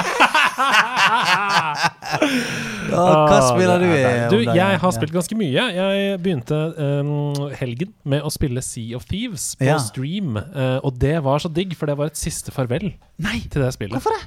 Fordi jeg kjente Det føltes veldig bra. For det første så må jeg bare si det, jeg må legge på bordet. Det føltes veldig bra eh, å si farvel. Eh, vi var um, eh, Si farvel. Ja. Jeg si, si farvel of thieves. Eh, jeg var sammen med bl.a. Aulando og Michelle fra community vårt. Vi Mhm. tok et Vault, blant annet, sånn som vi også prøvde på da Ja. vi ble kapra. Ja, Eh, og- voldtatt. Ja, ja, absolutt. Det er ikke lov å si. Det Ordspill på det, det stryker vi fra loggen. Eh, vi tok et Volt og koste oss maks. Og så kjente jeg, da Jeg kjente det litt sånn som du hadde med Immortals. Ja. Det var det som var poenget Ja, du møtte veggen. Ja, jeg kjente sånn Nå er det nok. Ja. Ja. Nå er jeg ferdig med dette spillet. Og grunnen til det er fordi det tar jo tre timer å ta ett volt. Ja. Eh, og det er sånn Ja, here we go again. Ja, da sant. må vi innom der, og så må vi hente masse bananer. Og så skal vi snu den skutt der, og det tar jo 20 minutter, for det er jo en gallion å snu den skutt der! Da, ja. Nei, det, det, det der å sveive i gang denne igjen etter, etter at du har vært ute på sjøen i, i to timer Ja. Og blir bare senket sånn ut av ingenting, og så bare spåner du en tom skute ute på en, eh, en ensom sandstrand, Ja. det er du skal være rimelig happy go lucky hvis du bare sånn Ja, ja, ja, nå er det bare å seile på, gutter. Ja, du, ja, du hadde skjønt. Grunde hadde vært helt konge der. Se hvor fint det er ute på sjøen i dag, gutter. Nydelig. Men jeg har jo prøvd, jeg har prøvd CFTs, men jeg klarte ikke å spille det. For jeg skjønte ikke hvor puslespillene var. Nei, det er det jeg sa. Prøvde Det å kom, pusle det seg kom til det. vann i båten, og du bare Hvor hvor er puslespillene? Jeg må spille pusling, folkens! Det er hull i båten, Grunde! Ja, nei, så Det var et farvel til det spillet. Jeg kommer ikke til å spille det mer. Med mindre det forandrer seg veldig da og blir høyere pace, og det tror jeg ikke. Og det er helt greit, fordi jeg vet at mange koser seg med sånn som det er nå. Det er helt greit. Og så har jeg tatt opp Paper Mario igjen. Jeg holder nå på med den siste den streameren før jeg skal til Slottet, for det er jo mange sånne streamers du skal løse opp i før du skal til siste boss der. Den holder jeg på med nå. Eh, og det er så morsomt. Det er så morsomt spill. Ja, for det, er det, det uttalte seg litt sånn turn-based. Uh, Ja, ja, ja. mm. eh, Combaten er turn-based, og du må line opp fiendene og sånn for å ta dem, men, men manuset er så morsomt. Altså, Camilla begynte på det forrige dagen, og hun satt og lo høyt i stua. Flere ganger, liksom. Hele spillet begynner med At du hører en sånn stemme som er sånn «Wow», Så er det sånn I'm in between dimensions, kommer det over. Så viser det seg at vedkommende er bare murt inn i veggen. Ja. Så du bare tar ned veggen, så bare I wasn't in between dimensions. Altså, det er morsomt. Ja, ja. Hele tiden så er det funny, og Bowser er bretta sammen til en liten flik og henger seg i taket og sånn. Det er gøy. Det er slapsticky. Ja, Ja, deilig. jeg liker det godt. Så det har jeg begynt med. Også Returnal, da. Mm. Det er Jeg sa at jeg på en måte ikke kunne gi en eh, ordentlig dom over det forrige uke, men det kan jeg nå, og det er dritbra, altså. Mm. Det er virkelig sånn Game of the Year-contender. Ja, altså, jeg har jo Jeg har sett en del på det nå, eh, og jeg skammer meg for at jeg ikke har spilt det ennå, men eh, det som jeg har skjønt, da, er at sånn alt er på stell. Det er, eh, det er dritfett, det ser bra ut, alt mulig. Det eneste folk har å, sette, å utsette på det, er at eh, i og med at det er en rogelike, Mm. så er runsene for lange. Mm. Det vil si at sånn eh, De fleste rogelikes er sånn Ok, jeg har, jeg har en halvtime på meg, eller sånn. Jeg, typer, jeg har 40 minutter. Jeg kan knuse et run. Litt sånn som Hades. Mm. Hades, ja, Hades. Hades? Jeg kan knuse et run før jeg legger meg, og så er, er, har jeg utrettet noe. Det er liksom, jeg, jeg er et steg videre. Men at her er det liksom Det er såpass tøft å gjøre et godt run at det er sånn jeg, du, time pluss, kanskje. Ja, ja, Eh, hvert fall for spillet. Sånn at, og, og du kan ikke save underveis. Sånn at Nope. Du, du kan liksom suspende PS5-en i, i rest mode og bare håpe at det ikke kommer en firmware update eller et eller annet. Men, Mm. Eh, eh, men at det er det eneste. Ellers er det, ser det fuckings fantastisk ut. Ja, jeg har ikke hatt noe problem med akkurat det der. Um, jeg, For du dør kjapt. Ja, veldig kjapt. Men, jeg- men jeg, jeg kjører gjerne ett run eller to, da. Og så Ja. legger jeg det fra meg, liksom. Men eh, jeg er ikke spesielt god, eh, selv om jeg har spilt en god stund ennå. Men, men det gjør ingenting. Jeg kjenner at jeg blir bedre hele tiden, og jeg koser meg maks likevel. Eh, Jeg er på andre boss nå, så jeg har kommet meg forbi første uh, bossen, som eh, er vanskelig nok. Altså, Første bossen, det er ikke noe spoiler, for du møter vedkommende så fort, men den har tre, tre health bars. Ja, sant. Så det sier litt. Altså, og får- spruter ut kuler. Får ned hele, så bare yeah, Face 2. Ja, Dobbelt så vanskelig. Yeah, face 3. Det bare Hva skjer? Første gang jeg spilte det, så tenkte jeg dette kan ikke være første boss. Jeg må ha gått feil rom. Eller Ja, ja. Jeg kom til sånn optional Ja, et eller annet sånt. Mm. Men, eh, men det føles altså eh, fullt av hemmeligheter. Virkelig. Jeg føler sånn jeg, jeg, Hver gang jeg spiller det, så avdekker jeg litt mer av hva det har å by på, liksom. Og enda er jeg ikke i nærheten av å skjønne hva alt det har å by på. Og så må jeg gjenta det samme som jeg sa uh, forrige uke også. Hvis du har en PlayStation 5, du har ikke spilt noe som føles så next gen som dette. Ja. Det er virkelig liksom det er mind-blowing. Det, det er for meg nesten like stor mind-blowing som det var å gå fra PS2 til PS3. Liksom. Altså, det er helt sånn herre Alt føles dritt å gå tilbake til. Ja. Med kontrollen, f.eks. Den er så integrert med alt du gjør og sånn. Jeg har hørt et sånn eh, Altså, når du plukket opp Astros Playroom, Mm. så var det sånn Å ja, men dette er bare sånn superdemo. Mm. Spill kommer ikke til å bruke den Mm. greien der. Men at dette er det første spillet som faktisk Oh yes. bruker det igjen. Ja, ja, og det um, Jeg sa det jo litt forrige uke også, men Mm. det, hvor hardt du presser inn triggeren, er faktisk et gameplay-element. Ja, det er secondary fire. Nettopp. Og, ja, mm. Og det er bare sånn Det er helt native for meg nå. Det føles ikke noe rart i det hele tatt å gjøre det. Så derfor så er det veldig sånn dritt å komme tilbake til vanlige skytespill som bare er sånn Bare gir etter. ja. Ja. Så, du, jeg, jeg skal teste det, så, jeg, eh, så kan jeg chippe inn neste uke. og så har Disco Elysium potensial til å bli topp fem for meg. Det er så gøy! Gjennom tidene. Ja, det er veldig gøy. Jeg er ikke ferdig, jeg skal få runda til neste uke. Da skal vi snakke med deg. Det, jeg får si, det tror jeg du kan ah, kose deg med. Gæren, eller? Det Hvis du ikke har spilt det. ja. Det Jeg er jo har ikke spilt det. Nei, Og det kan du kjøre på denne shitty laptopen din. da Ja, det kan du. Jeg Eh, brukte så mye penger på den laptopen at det å liksom få den kalt for skittig Jeg kjenner du som sa- nesten blir fornærmet. Du som sa at PC-en ikke klarte å kjøre nier, så tenkte jeg sånn men kanskje han Han klarer jo å kjøre nier, det er bare at skuddene går veldig seint. Ja, sorry, sorry, sorry. Men da har du fått en gave av oss som du kan ta med deg hjem herfra, nemlig eh, Disco Elysium. Vet du hva? Jeg skal by deg på, jeg. Jeg skal gifte deg det på Oi. Steam.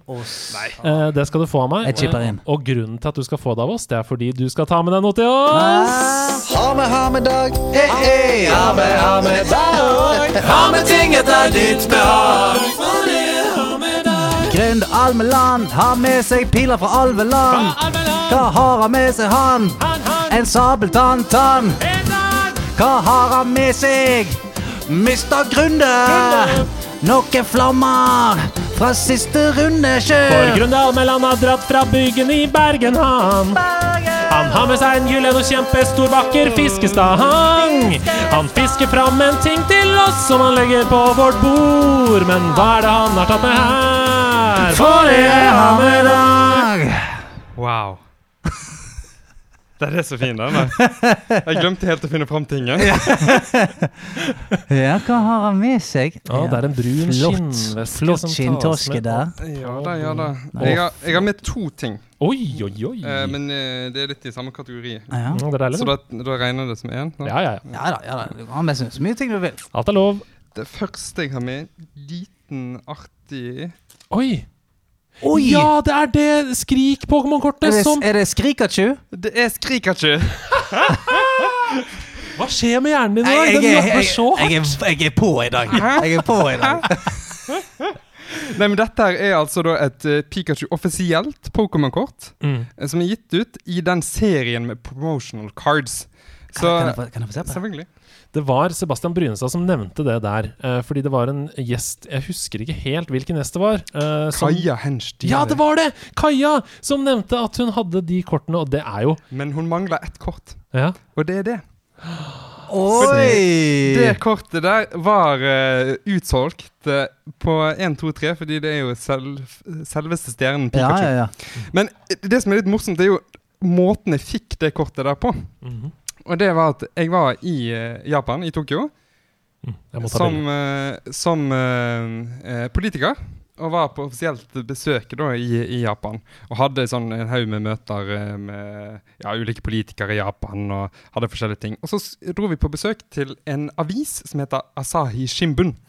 Uh, og av den avisen, Asahi Shimbun, den hadde vært med å finansiere eh, Edvard Munch-utstillingen i Tokyo. Wow.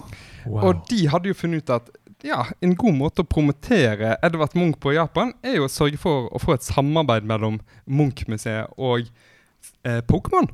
Det er jo genialt. sant? Og derfor produserte de disse kortene her. Og når jeg var på besøk hos denne avisen, så eh, er det jo i Japan så får du jo sånne høflighetsgaver.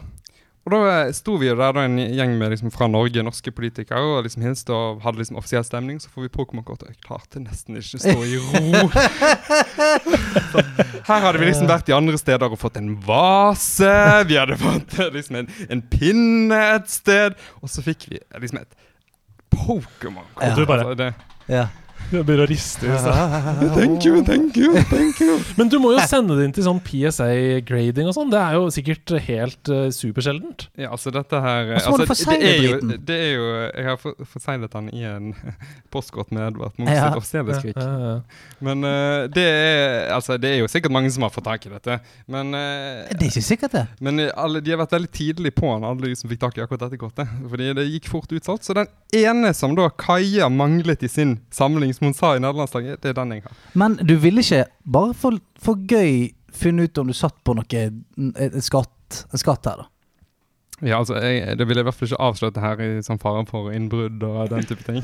Nei, hvor har du den? Hvor ligger den? I nattbordskuffen? Ja. Nei, Jeg gjemmer den inn på de hemmelige kontorene til regjeringen. Vil, dere, vil dere vite hva den Ja, er verdt? ja. Ja, Det, det ligger Jeg finner én på eBay her nå, Ja. som ligger ute til 1000 dollar. ja. Um, men nå skal jeg gå inn på PSA Card, som er liksom ratingen her. Ja. Auction prices. Um, Munch Vent, da. Eh, her Munch Tenk hvor sykt det hadde vært sånn 200 000 dollars. Det, er, de har sånn eh, promo-serienummer. 288 SMP. Mhm. 288 SMP. Dette er god radio. Ja, det er god radio. Nå koser de seg der ute. Nei, jeg, vi, vi kan finne ut av det, så kan jeg komme tilbake til det. Ja, ja. Men eh, ta opp den andre tingen du, i mellomtiden. SMP. Oh, hel! Og du har ikke Oi! pakket den opp engang! Dette her er en eske med Pokémon-kort som er uåpnet. Det er offisielle Tops trading cards fra den første Pokémon-filmen. Jeg dør i trynet! Du! Hvorfor ikke åpnet den? Hvor har du klart å ikke åpne den? Altså, Jeg samler på Pokémon-kort. Jeg samler på disse billedkortene. Disse gamle toppskortene som Ja. var i skolegården. Ja, ja, Som du gikk i skolegården. Sørget for å lure Maiken. Sant? Si 'Dette kortet her, det Pikachu-kortet her, hvis jeg eh, bytter det med deg, så eh, må jeg ha ti kort av deg.' Det er de kortene der. Men der inne kan jo det faen meg være noe stål, vet du.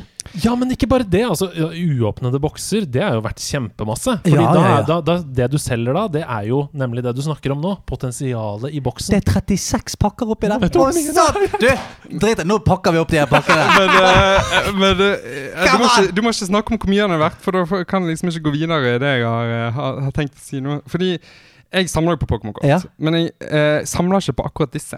Nei. Oh, nei. Så jeg lurte på om kanskje det er noen andre på nerdelandslaget som vil ha mer glede av disse enn meg. Er du sinnssyk? Tenk om Tenk om det at et kort der inne så er sånn en, en mint Charizard eller noe shit som bare Altså Det er jo fra den første filmen, da, så det er jo disse filmseriekortene. Så jeg vet ikke helt hvordan det Men er. hvor gamle er er de her, da? Nei, du får jo sjekke det, da. Den første filmen det er jo, det er jo 20 år gammel, da. Kanskje det står 97? Nei, nei, nei, jeg orker ikke. Jeg orker ikke. Oi, har en oi, oi, oi! Men, Men, hva, eh, ok, hva mener du? Nå må vi la deg snakke. Ja. Men Hva jeg- mener du? Jeg lurte på Altså, dere har jo en sånn der uh, nerde-lootbox. Ja. Altså, kanskje dere på en, i en eller annen sånn konkurranse, når endelig denne koronaen er fuckings over, så kan dere ha en konkurranse der dere lodder ut denne esken. Vi vet allerede hva vi skal gjøre. er, du helt sinnssyk? Eh, Får vi lov til det? Om jeg er helt sinnssyk, det vet jeg ikke. Men uh, jeg har faktisk tenkt at dere skal få lov til å lodde den ut, ja. er du klar med svetter? Der! Er du klar over hvor mye det er som bare knuser neglen min gjennom den emballasjen der og bare begynner å rive pakker? Det er ett sted på emballasjen den er litt kruset, Ja, men det er der ellers er. den mint condition. Å shit, jeg svetter inni hendene. Vi har en uh, uåpnet Pokémon 36 kortpakker fra 1997 eller 9 eller hva det er. Med Eh, 36 pakker oppi. Fy jeg, jeg, eh, jeg ser inni henda mine. Det er helt Dette er en av tidenes uh, ha-med-dager. Um, du tok med en ting som du skal la ligge igjen her, og som vi på sikt skal la dryppe på dere i nerdelandslaget. Det er bare å følge med. Dette er helt sinnssykt.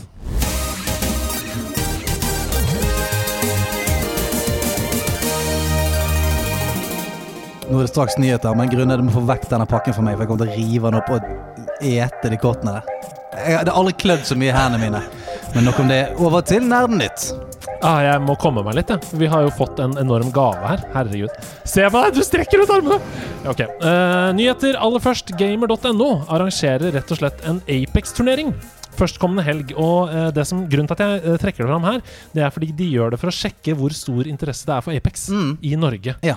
Så eh, hvis du spiller Apex, og du tenker sånn ah, Skulle ønske det var mer av det i norske spillmedier. Skulle kanskje ønske det var i Mm. Telia-ligaen. Ja, da må, da må du steppe opp. Ja, da må du gå inn, Mm. og så må du melde deg på. Så må du få alle vennene dine til å melde deg på i den turneringen, for da, vet du, da tenker Erling og folka i Good Game at he, her blir det Her blir det penger. Her blir det penger. Um, så da blir det Apex i Telia-ligaen neste år. Så gå inn og meld deg på. Det er nå til helgen førstkommende.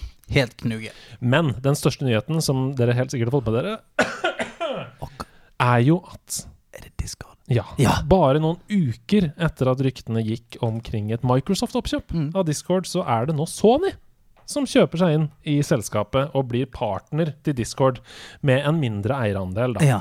Og Det innebærer at Sony allerede nå har begynt å implementere Discord på PlayStation Network, og planen er da å tilby Discord-plattformen på konsoll og på mobiltelefoner. Mm. Halleluja. Det er halleluja. Halleluja. Halleluja. For det første, te- se for dere nederlandslaget på PlayStation. Ja. Veldig, veldig gøy. Ja. Og ikke minst muligheten til å da bare natively da, sitte på konsollen sin eh, og ha voicechat med alle andre fra Ja. nederlandslaget, f.eks. For eksempel. Fordi den er ikke spesielt bra, den voicechatten til Nei, han er, han er rein, rein drit. Og så er Er jo det nettopp det der at eh, Discord, for nå, det er det, er det sentrale den, det, altså, det er så sentralt i alle nettsamfunnene du er med i. Jeg har måte, min guttegjeng som jeg spiller med. Vi er, vi er nerdelandslaget, Mm. Eh, mine søsken, alt dette her. Jeg har jo jobben på Discord. Ja, sant. Mhm. og, eh, for, og det å sitte og spille, sant eh, du, må, du vil jo helst ha headsetet ditt på. Og spille. Sånn som vi spilte jo. Vi Mhm. spilte jo f.eks. Outrider sammen. Og da satt jeg på konsoll. Og da måtte jeg på en måte ha liksom eh, eh, lyden litt lav på TV-en, så hadde jeg deg på telefonen på Discord. Eh, altså Det var gjerne sånn kødden, sant. For det, eh, ja, vi var jo på cross-plattform, og det var Mm. mye drit der. Sånn, sånn at eh, det at de får det integrert, det mener jeg er en mega eh, Altså megafordel. Det er megastep. Eh, fra et forbrukerhjerte så Ja. ønsker jeg selvfølgelig at det skal være på alle konsoller. Um, fordi um, det gir jo ikke mening å utelukke noe Altså Det blir det samme som å si sånn Det er bare noen som får lov til å bruke mail. Ja. Um, det er bare de som har Dell-PC-er. Det er det eneste som får lov å bruke mail. Sånn føler jeg det litt, da. Så jeg håper jo at det kommer til de andre også på sikt, men uh, vi får se. Ja, for det er jo sånn som jeg forsto det, så var det bare et samarbeid, og ikke nødvendigvis et, opp, altså et kjøp av noe Nei da, det er, de, altså de går inn på eiersiden, så det betyr jo som en investor, på en måte, Ja. uh, med en mindre eierandel. Så det betyr jo at de også uh, det går bra med Sony når det går bra med Discord, på Ja. en måte. Mm. Uh, men jeg tror ikke det er noe eksklusivitet inni der. Det er bare at nå har de gått inn først. PlayStation er den første som får det implementert. Nei, altså, det, det må og bør komme på alle. Så har vi snakket tidligere om i denne podkasten at Activision kjøpte opp studio Toys for Bob, mm. um, som står bak Crash 4, blant annet, og den remasterede Spyro-trilogien. Og Ja. vi var jo en smule bekymra for fremtiden den gangen. Vi snakka For om de sånn skulle bli sånn remaster ja, hva skjer nå? Hva skal Activision gjøre med Toys for Bob? Og nå har journalist Andy Robinson fra VGC gått ut på Twitter og skrevet I was recently told that virtually every studio at Activision is now working on Call of Duty. Og det er bekreftet fra designer Nicolas Kåle, som jobbet med character design på både Crash og Spyro. Han, og alle han jobbet med i de spillene, har mistet jobben. Nei, hva faen, da? Toys for Bob jobber nå kun med Call of Duty. Nei! Mm. Det er tull og tøys. Det Det er er tull veldig trist. Altså, dette er jo mennesker som gjorde for det første en helt fantastisk jobb med Crash 4. Altså, bevarte jo Crash-ånden til 1000 og uh, tok det videre med nydelige animasjoner. og det, ja, det føltes som Crash fikk en revival, da. og det samme med Spyro. Mm. Så det er greit å støtte Warzone, tenker jeg. For det er superpopulært. Det er et veldig bra spill. Det er et av de beste uh, battle royalene som fins. Men ikke bruk disse ressursene Nei, på det, Nei, hva faen, da? Come on! De skal ikke gjøre de greiene der. Nei. Warzone spiller seg sjøl, det er nesten nå. Så jeg syns det var veldig dritt. Ja, det lese, var dritt. Slett. Kjempedritt. Ikke bare at de bruker de ressursene på å lage Call of Duty, men at de har mista jobben i tillegg. Det er Nei, helt det, er, det er helt krise. Det, dritt. det er jo det du ikke har lyst til når du blir ansatt et nytt sted. Det er sånn Du, vi har lyst til å ha deg inn som uh, For du er flink. Du, vi, vi ansetter deg for dette her. Mm. Ja, Og så kommer du inn der, og så er det sånn Du, uh, sorry, Mac, denne stillingen som du er god til, og grunnen til at vi hentet deg, den er ikke lenger. Men du kan få lov til å jobbe med noe helt annet som du ikke liker. Og du får ikke lov å jobbe der uansett. Ja. Og dere ti som lagde character design og sånn, trenger ikke character design i Warzone, så ja. Crash skal ikke være med der inne, han. Hæ? Skal ikke være Crash-event? Det hadde vært utrolig gøy med Spyro i Con. Å oh. oh, ja, ja. Oh, Li- Liten killstreak der. Det hadde vært nydelig. Det er konge. Helt til slutt, i nyhetene så vil jeg bare ta med at de flinke moderatorene inne på discorden vår, mm. de har nå oppdatert Discord-serveren, sånn at den skal være enda enklere å ta i bruk. Eh, nå ligger alle spill alfabetisk etter hverandre i en rekke, ikke i kategorier, ut ifra sjanger. Det er lagt opp guider til Ja, ja, ja, ja. Og det er såpass mange sjangerblandende spill nå om dagen. F.eks. Returnal. Hva slags spill er det Ja. egentlig? At det er liksom vanskelig å si sånn Det er en shooter, eller det er en RPG, eller det er en rogelike. Så derfor så er det nå uh, alle etter hverandre i en alfabetisk rekkefølge. Så veldig, veldig kult. Og jeg, jeg må bare gi så insane mye praise til de som modererer den siden der. Mm. De gjør en insane jobb. Ja, de altså, insane virkelig, virkelig. De er bærebjelken for, eh, for discoen vår. Det er den gjengen der. Og husk da, folkens, at eh, hvis du kommer inn der og føler Oi, dette var mye, dette var uoversiktlig Du kan personifisere din egen utgave. Bare mute kanaler. Ja. Som du ikke er interessert i, med innhold. Hvis du ikke liker eh, biler eller sko, bare mute det, så forsvinner det. Mm. Sånn at du får din 100% personifiserte nederlandslaget-server. Mm. Som for eksempel du har gjort med Fine Fantasy og Civilization. Civilization. Det var var ingen, uh, ingenting å hake av fra Puzzle Pirates. Det kommer. Du har, uh, du har fueled the fire. Nå kommer det til å bli uh, en helt ny vår for Puzzle Pirates, tror jeg. Jeg merker at vi må få opp stemninga litt igjen. Ja, vi må det, men du bare jeg skal bare, Men du, jeg bare sier det at uh, hvis ikke du er på Discord, Mm. så jeg, jeg, jeg bare anbefaler deg å komme inn der. Mm. Virkelig. Hvis du syns det er litt skummelt, det skjønner jeg. Hvis du ikke har brukt det før og syns det er liksom pes å ta det i bruk, det skjønner jeg. Men hvis du kommer inn på vår Discord, inn i det deilige nederlandslaget, altså, du kommer aldri til å se det tilbake. Jeg kan bare si at jeg syns jo det var eh, litt sånn eh, skummelt å vite hvor jeg skulle begynne. Men eh, jeg, nå fikk jeg jo en liten shout-out da fra Andreas. Men det var veldig lett. Det er bare å si hei i den der preik, Ja, preik, Preik, chatten. Preik-chatten. Og så er alle folk veldig hyggelige og Ja, hva skal vi av oss Lit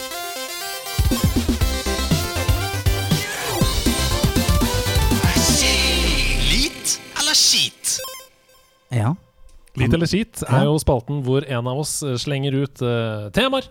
Det kan ha med spill å gjøre, det kan ha med teknikk å gjøre, det kan ha med nerding å gjøre. Livet. Og så vil vi, vil, jeg at, vil vi at dere skal svare på er det lit. Altså er det bra, eller er det skit? Mm. Er det drit? Og det, magefølelsen. Bare det første. Og så må dere forsvare den magefølelsen. Rett ut. Så jeg bare gønner i gang. Ja. Er det lit, eller er det skit? Speedrunning som ting. Litt. Eh, eh, Skit. Oh, hvorfor er det litt, Stian? Jeg mener at det er en gøy sjanger i spill, og du kan få skvist ut eh, ganske mye saft eh, av en sitron som eh, døde for lenge siden. Hvorfor syns du det er skitt? Altså, hvordan skal du vite at folk fikk skoen sin? Ting skal gå Ja, treigt. du kan levere den skoen jævla raskt. Ja, jeg synes det er fine svar. Ja. AirTags, den nye oppfinnelsen til Apple, som er sånn at du kan feste en ting på f.eks. skoen din eller sekken din, og så vet du hvor den er i Find My iPhone-appen. Det er AirTags heter det. Det er en liten ting som har kommet der. Litt. nei, skit. Hvorfor er det lit, Stian? Eh, jeg, bare, jeg vil tippe at grunnen til at Grunne sier skit, er for at hvis du har airtags på skoen, så er det ingen som trenger å hente den. Eh, men jeg mener at det er lite, for det er, holy shit, så mye greier. Jeg er distré type. Mm. Jeg glemmer ting overalt, Mm. og eh, jeg husker ikke hvor jeg har lagt de. og De er vekke for alltid. Ja. Et sort hull av, uh, av distréhet.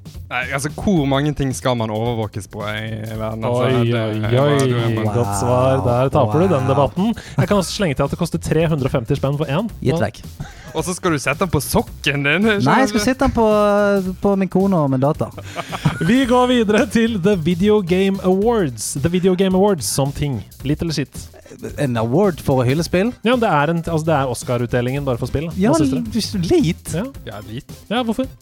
Fordi det er en hyllest av spill. Det er en, en måte å, eh, å si 'Spill, dere er viktige. Vi lager en Oscar for dere'. Ja. Hva er det som er skit her, da? Nei, jeg bare tenker sånn, Trenger man egentlig å emulere en annen kulturuttrykk sin utdeling, eller er det Ja, fordi film var de første som tenkte på awards. Ja. altså. Vi går videre.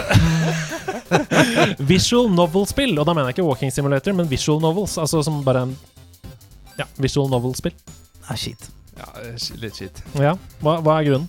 Nei, altså, det, er, det handler egentlig bare om, eh, om formatet for min del. Det er ikke min Mm. pose te. Hvis jeg har lyst til å, å ha en novelle, så leser jeg en buk. Ja, altså, det, det er litt for lite interaksjon. Ja. Det er altså- Den er god. Tic-tac-toe. Altså det spillet hvor du tar kryss og runding. Det er tre på rad, liksom? Ja. ja, ja det er lit. Skit. Helt Det er enig på så det så kjedelig. Det er så kjedelig, det. Ja. Hvorfor er det kjedelig? Nei, det er jo rett og slett Det skjer jo ingenting. Altså, vet du aldri altså, det, det er begrenset hvor mye taktikk du kan legge inn i den kryss og runding i en sånn Ja. liten, liten plass. Det er et staminaspill som du? sliter ut den andre sin syke. Sånn, Det er enkelt. Men til slutt sant? så begynner du å bli sliten i hodet. Og da er det sånn Å, faen. Boom! Boom der, sant? Å nei! Ydmykelse, latter. All, all the good stuff. Takk for at dere deltok i Lit eller skitt. Takk for meg.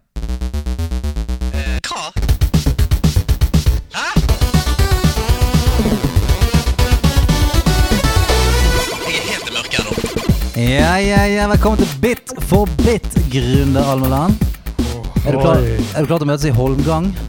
Ja, dette, å, dette har jeg eh, grugledet meg til. Ja. Mest av alt fordi jeg har det største spillhullet noensinne fra den æraen med, med bitspill. ja. Men uh, dette skal gå bra. Så hvis Jeg har tenkt å vinne. Så hvis ikke det er Double Dragon, så er du fucked. Men jeg regner med at det er kun Double Dragon nå. Det, En, er, to, tre. Double Dragon, Én, to, tre. Det gjenstår å se i Bit for bit en allerede en stor fanfavoritt blant lytterne våre. Det kommer, folk står på døra mi hjemme og skraper og sier 'Andreas, kan vi få please flere Bit for bit-oppgaver neste uke?' Gjør det, de. ja. De gjør ikke det. Men uh, det er i hvert fall mitt inntrykk av det digitale um, stedet vi befinner oss hele tiden, som heter Internett. Mm.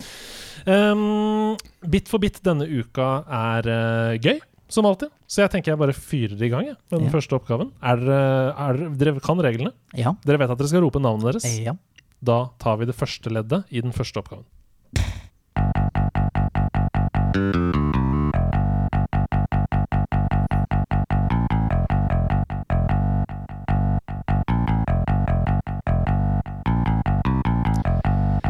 Jeg mistenker at det er mange som hører på nederlandslaget for første gang denne uka, fordi Grunde har politikervenner, så han sprer det ut på Stortinget. Så derfor tenkte jeg at jeg kjapt skulle forklare at Ja. uh, det er jo sånn i Bit for bit at man spiller av litt Altså som i Bit for bit, da. Du kan bare få gitaren, f.eks., og så skal vi gjette hvilken sang det er. Så legger vi på trommer, gitar og trommer. Så legger vi på gitar, trommer og bass, og til slutt så liksom hører man hele låta. Så dette var da kun basslinja da i den Ja, første låta. ja, ja, ja. Men til forskjell så har ikke vi fått vite hvilken sang det er på. Åh!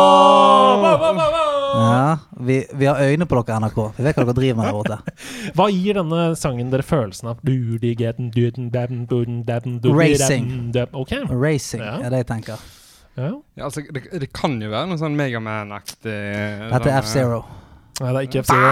Jeg prøvde å være litt cocky, bare ligge der, men det gikk ikke. Hva tenker du, Grundis? Nei, jeg har jo ikke peiling ennå, men jeg eh, kan jo si Megaman, da. Ja, det er ikke Megaman. Da får vi ledd to her med en gang.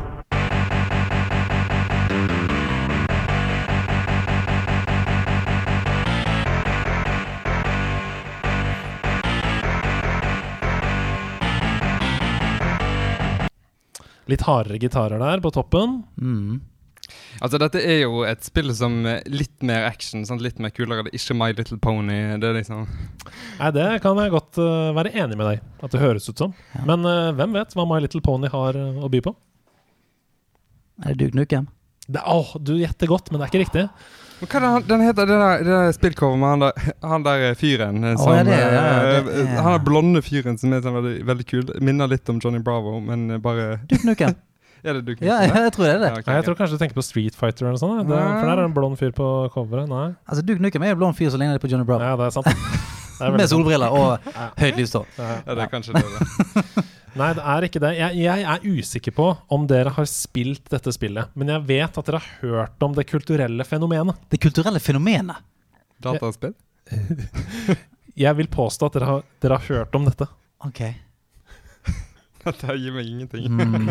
Nei, altså, du sender meg bare Det, ned det er alltid et utrolig godt tips når, du, når tipset er 'dette burde du kunne'. Ja, dette kan du. Ja, det- det, men ja. Dere bør nok ikke kunne det, men dette er en, et produkt fra en æra i livet deres hvor dere sannsynligvis så på TV3, f.eks. Vi fikk ikke inn TV3, vi fikk bare inn NRK. Mm, så på TV3. Vi tar siste leddet. Ja.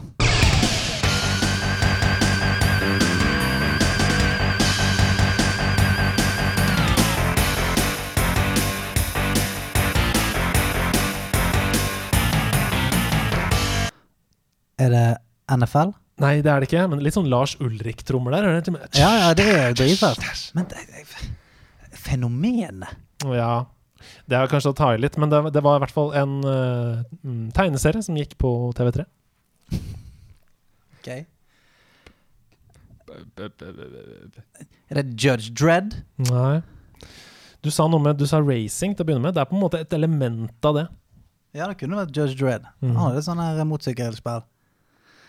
Et, et, et, en eh, Teenage Mutant Ninja Å nei, det er det ikke. Det er ikke men du sikter jo Jeg, bare, jeg husker bare en sånn spillscene der de står og racer på sånne eh, brett. På surfebrett. Jeg kan si at det har med motorsykkel å gjøre. Tron? Nei. Det har ikke med Hva heter den der uh, serien, da? Ja. Jeg tror jeg må be om et svar her nå. Nei! Nei! Ducati Ducati 3. Ducati Sisters. Ducati Sisters. Nei, det er ikke det. Dette er MC-musene fra Mars! Det er Biker Mice fra Mars. Sa du det? Ja! Sa ikke du det? Jo. Sa sa du det. Nei, hørte ikke jeg at sa ikke du det? Sa ikke det. Hva var det du sa, da? Men jeg tar poenget! Nei, men Hva var det du sa i sted? Nei, da sa TV3? Da er sånn Teenage Mutant Ninja Teenage Mutant Ninja Turtles, ja. Det er nesten det samme, Andreas. Altså, Gi oss poenget for Oppe i Oppi mitt hode så sa han Biker Mice from Mars. Ja. Ellers har jeg sagt det for lenge siden. Nå, ja, men det var veldig bra. Husker dere Biker Mouse from Mars? Ja, Vinny, eller hva heter det for noe? Ja, men Dere husker kanskje ikke spillet, eller? Nei, det Nei. gjør jeg ikke. Nei, litt enig der, altså. Vi går videre til neste oppgave. Mm.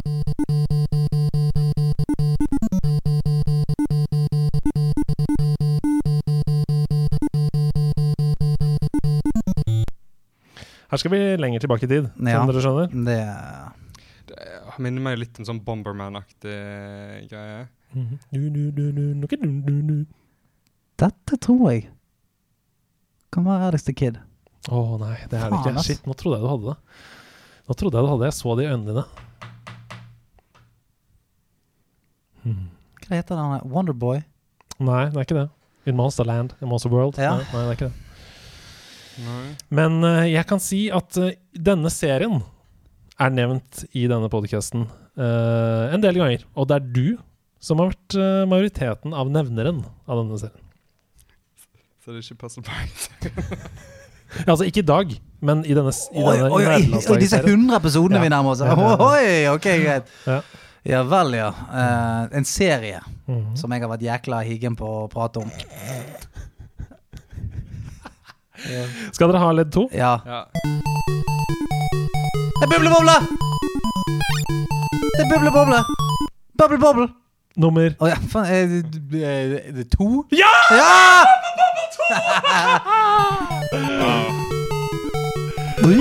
Dette er Bubble Bubble 2 på Nintendo Nes, eller som Stian sier, Bøble Bable. Bøble Bable! Ah! Nei, gratulerer, du tok den. Ah! Å, det er så Åh, deilig. Det er Visste så du at det i det hele tatt var en serie? Eller?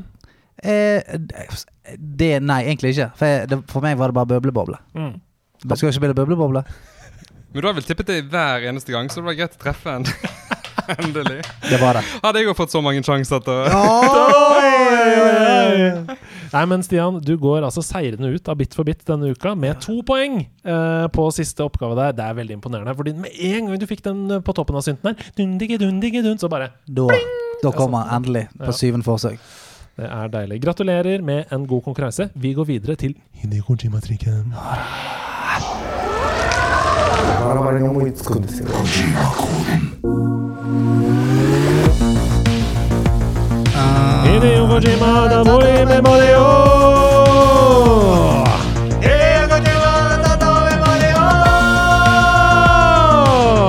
Hjertelig velkommen til Hideo Kojimas rike. Sitter du der borte? Så Disney.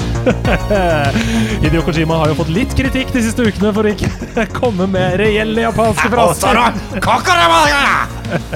Men han er på sitt beste her i kveld, og det er bra, for han har tatt bolig i min body, slik at jeg kan skrive Kojima-koder som dere kan slå hodene sammen for å løse. Mm. Og du vet jo hva dette går i, du? Hei! Ja, Hei! Uh, oi, oi, oi, godt svar. Uh, jeg har altså gjemt et spill i en Kojima-kode, og dere må deschiffrere den koden. Hvilket spill er det vi skal fram til her, mine herremenn? Ringenes herre. Jeg pløyer Bubleboble 3. Jeg hører det med en gang. Det pløyer. Pløyer gjennom brett for brett med det boblesprett. Jeg er gul, jeg er grønn, men også litt skjønn. Jeg er en drage med mage. Ok, kjør. Jeg hører med en gang at neste sesong så skal du få lage Kojima. Jeg pløyer meg vei med tanks og gevær. Jeg møter bazooka, artilleri og militær. Battlefield. Ikke det Battlefield, da. Altså, det er jo mange spill der du holder på sånn, men hvis du har alle disse ulike Bazooka. Hvis du har både bazooka Altså, hva, hva var det het det der uh, sp håndholdte spillet? Advanced eh, Wars? Ad Ja? Fordi der har du både sånn bazookamann, du har tankser, du har Ja, sånn, ja. uh, helikopter, alle mulige sånne ulike typer uh, Sånne krigsting. Ja, sånn krigsting. Medal of Honor har du jo, sant? Medal of Honor har du det der, men bazooka, var det på den tiden, da? Hva? Ja. Nei, jeg eh, det, det er litt for lite info, altså, for det kan være Ja. 1000 spill. Har du lyst til å avgi et svar? Skal vi prøve oss på Battlefield? Vi kan gå for Battlefield, Vi ja. prøver Battlefield. Det er dessverre feil. Ja, men hva er det for en vag greie? Du spiller er, er- spill med tanks og militær. Det er strategi og forflytning med dager som tid. 92 av 100 gjør det til tidenes håndholdte krig. Det er Advance Force. Det er Advance Force. Ah! Det er sinnssykt! Det er helt sinnssykt! Det er helt sjukt! Han tar det! Du, for alle de som hatet på grunn for ikke å være nerd, knus deg sjøl i trynet. I'm here one day, one day only. Det er magisk, Grunde Ja, Almeland. Du tar Advance Wars. Men bare fortell hvor deilig det er å ta Kojima-koden. Nei, det var jo helt fantastisk. Og jeg hadde den jo egentlig på første lett. Ja ja, visst hadde du det. Men du lot deg forvirre av Battlefield-Stian på andre siden av bordet. Jeg, jeg, jeg beklager. jeg beklager Til vanlig så er det jo sånn at jeg blir jo en eufori av glede med en gang jeg hører at dere sier det riktige svaret. Men nå tenkte jeg sånn Han tar det på første gjett. Nå må jeg bare la de bestemme seg istedenfor å Men det var utrolig bra. Og det beste var jo også at du tok det jo med en gang på neste ledd. Så skjønte du Da hørte du det med en gang. Um, utrolig bra. Advance Wars Ja, på eh. Nintendo DS. Fantastisk, fantastisk spill. Vi går videre. Det er så bra, det! Ja, det er så bra! Vi Ja. går videre til neste Kojima-kode. En voldsballett som revolusjonerte skytespill. Uten noen cutscenes, i stedet tegneserier til. Du blir liksom hun er moren fra Askepott på slutten av det gangen. Tegneserier til Det ble veldig Askepott. Ja, ja. Ingen cutscenes med tegneserier til Askepott. Hva har sko, men ingen hatt? Askepott, Jeg er varm. Mm Mhm. Dette Nei, er men hva var det du sa igjen? Ja, Jeg sa altså, ja. En voldsballett som revolusjonerte skytespill uten noen cutscenes, i stedet tegneserier til Eh, Dette kan jo være, kan være Det kan være dum. Uh, for jeg husker ikke hva Jeg tror collect, altså collectiblesene deres er jo veldig sånn uh, Det er LP-plater, cartoons, figurer. Men altså, jeg tenker det jo fort cutscenes, veldig sånn, sånn eh, Hvis du går til sånn Marvel-verden eller noe sånt, så har du jo Det er kanskje ikke voldsballett. Nei, hvis det er skytespill òg, så det blir det køddent igjen. Ja, men det, jeg, det var tegneserier jeg Ja, vet ja, du gikk rett på tegneserier. Jeg, jeg, jeg, Ja. hengte meg fast i den. Kommer ikke fra. Nei. Eh, Bull, det kan være Bulletstorm. Bulletstorm er jo en voldsballett til de grader. Husker ikke så mange cutscenes der, og det er jo det, det er jo revolusjonerende eh, innenfor Innenfor sjangeren. People Can Fly, de som nå har laget Outriders, lagde det. Mm, Noen andre ting med, med comics, da. Mm, skytespill, men ingenting. Har ikke drevet så mye med sånn uh, voldsballett. Nei. Mm.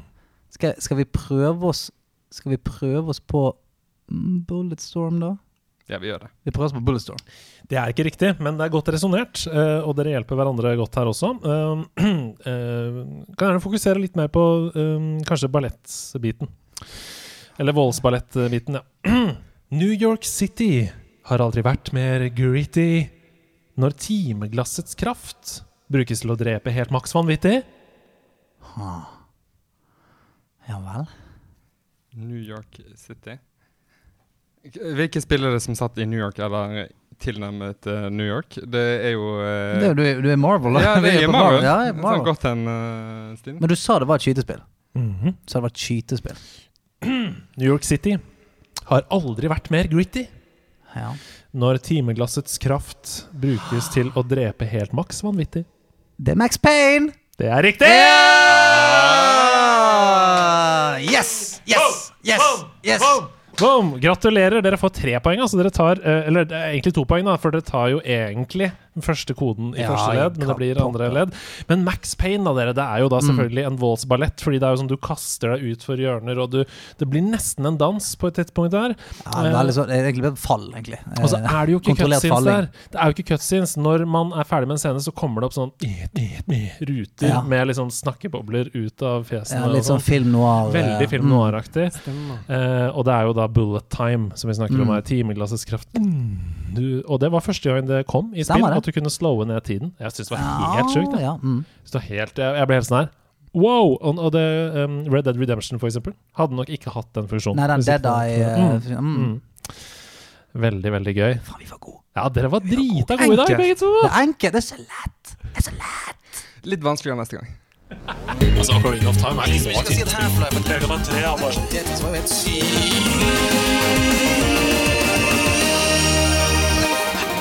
Ja, um, I dag har vi hatt en artig uke i Har det holdt seg.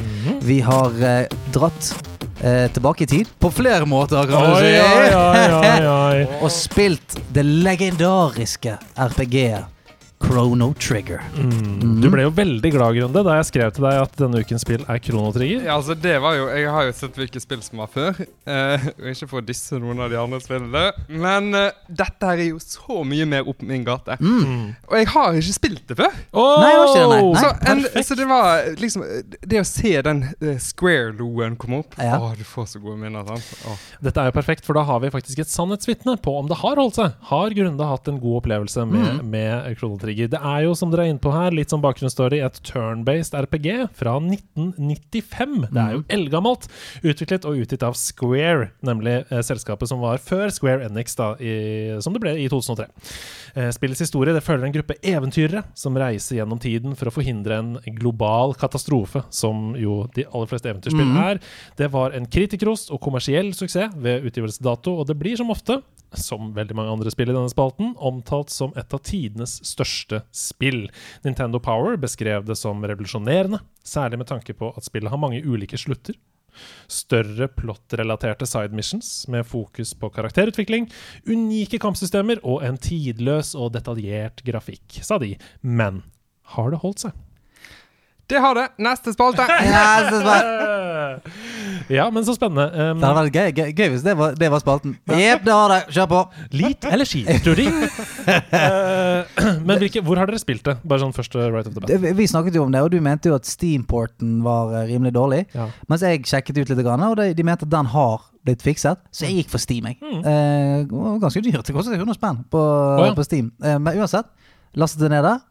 Merket, altså, jeg syns det var clean som, Ja. som pokker. Altså, jeg merket ingenting uh, køddent med den porten der, altså. Mm. Uh, så jeg har oppriktig kost meg. Ja, jeg også. Oppriktig kost meg. Men la oss begynne med gjesten. Uh, hvor spilte du det, og hva er dine førsteinntrykk? Jeg spilte det på min eh, utrolig gode laptop. Mhm. Den er klar til å kjøre i Trigger uh, gjennom en sånn uh, internettside. For vi to vi spilte det da i denne retrogames.cz-siden, Mm. som uh, har det rett i nettleser. Du kan spille det der, og du kan bruke X og C på tastaturet, som de knappene på en gammel Nes-kontroll, Mm. og piltaster til å bevege seg med. Funka helt fjell. Uh, full skjerm og lagringsfunksjon, og du kan gjøre hva du vil. Ja. Ja, det fungerte veldig fint. Mm. Det var lett å, lett å spille. Og så er det jo Det er jo et klassisk RPG-spill. Mm. Sånn at du Har du spilt et par RPG-er før, så skjønner du hva du skal gjøre. Ja, ja. Uh, så det var jo veldig lett å komme inn i. Og så ser grafikken litt ut som egentlig en del sånn nye spill. Uh, eksempel I- i- Valley. Hvis du Ja. liker den type uttrykk, så er ikke dette så fjernt fra det. Nei, og det som blir sagt her med at det er en litt sånn tidløs grafikk, det er jeg enig i. Fordi at ja, det er jo en del indiespill som selvfølgelig gjør det eh, litt bedre, men som ligger seg litt på den der eh, eh, På den grafikken der. Mm. Nettopp for å oppnå den, den stemningen som man får når man spiller Kronetrigger. Da. Og jeg spilte det ikke noe sånn remaster, ingenting, for du kan velge mellom sånn eh, classic resol- I hvert fall på Steam, da. Sånn classic res eh, resolution eller en sånn eh, pimped up-versjon. da Jeg gikk Mm. dønn classic. Mm. Bare nå skal jeg se om, det, om, den, om spillet Kronetrigger har holdt seg. Mm. Og eh, ja. Du kan fortsette, Grunn. Jeg skal ikke jeg maser så jævlig mye. Nei, men altså, Jeg eh, hoppet jo bare inn i dette spillet og, og og tenkte at nå skulle jeg utforske verden. Og så, når du begynner spillet Altså, vi har lov til å spoile her. Ja, ja, ja. eh, 1995, det er lov nå. Du kan si først hvor mange timer du har spilt, da. Ish. Ja, altså, jeg har spilt eh, mellom fire og fem timer. Ja, Ja, og så det- har Jeg kom, jeg kom til The End of Time. Å ja, ja, det har Ja. kommet lenger enn meg. Ja, du har spilt litt, da. Mm, Ja, jeg jeg, har faktisk, jeg, jeg lå på sengen der og hadde det veldig fint på løpet. Ja, for man blir liksom sugd inn i historien Mm. med, ja, altså, med en jeg tenkte når jeg åpnet at åh, dette er, det er litt gammelt. Uh, det, det er ikke helt Stadio Valley. Du skal ikke finne noe uh, gulrot eller banan eh, rundt omkring. Nei. Men uh, så tenkte jeg, lurte litt på hvordan dette skulle være. da Men uh, det, det går ganske raskt å komme inn i det. Og når du starter spillet, så er det litt sånn her OK, du skal uh, redde dronningen, du skal redde prinsessen, men så blir utvida bare spillet seg mer og mer Mm. etter hvert som du spiller. Ja. Sånn at historien til å være 1995, så er det faktisk ganske Du blir ganske sugd inn i det. Mm. Og så kan du gjøre tusen ting med en gang. Det er det som er greia. Du kommer ganske tidlig til en sånn fair, ja. som er sånn sirkussted, holdt på å si, Mm. eller tivoli. Og der kan du gjøre masse greier. eh, bare Ja, med en gang right off the bat. Det syns jeg er riktig. Ja, Ja, og så er det Jeg syns jo Square generelt sett har vært veldig god på det. Og du ser jo at dette her er Du ser jo at dette her har inspirert Final Fantasy 7. Det er my mye de samme lydene Mm. eh, som de bruker i Final Fantasy 7. Kan du høre det, er- det er nøyaktig samme samples nesten på noen av tingene.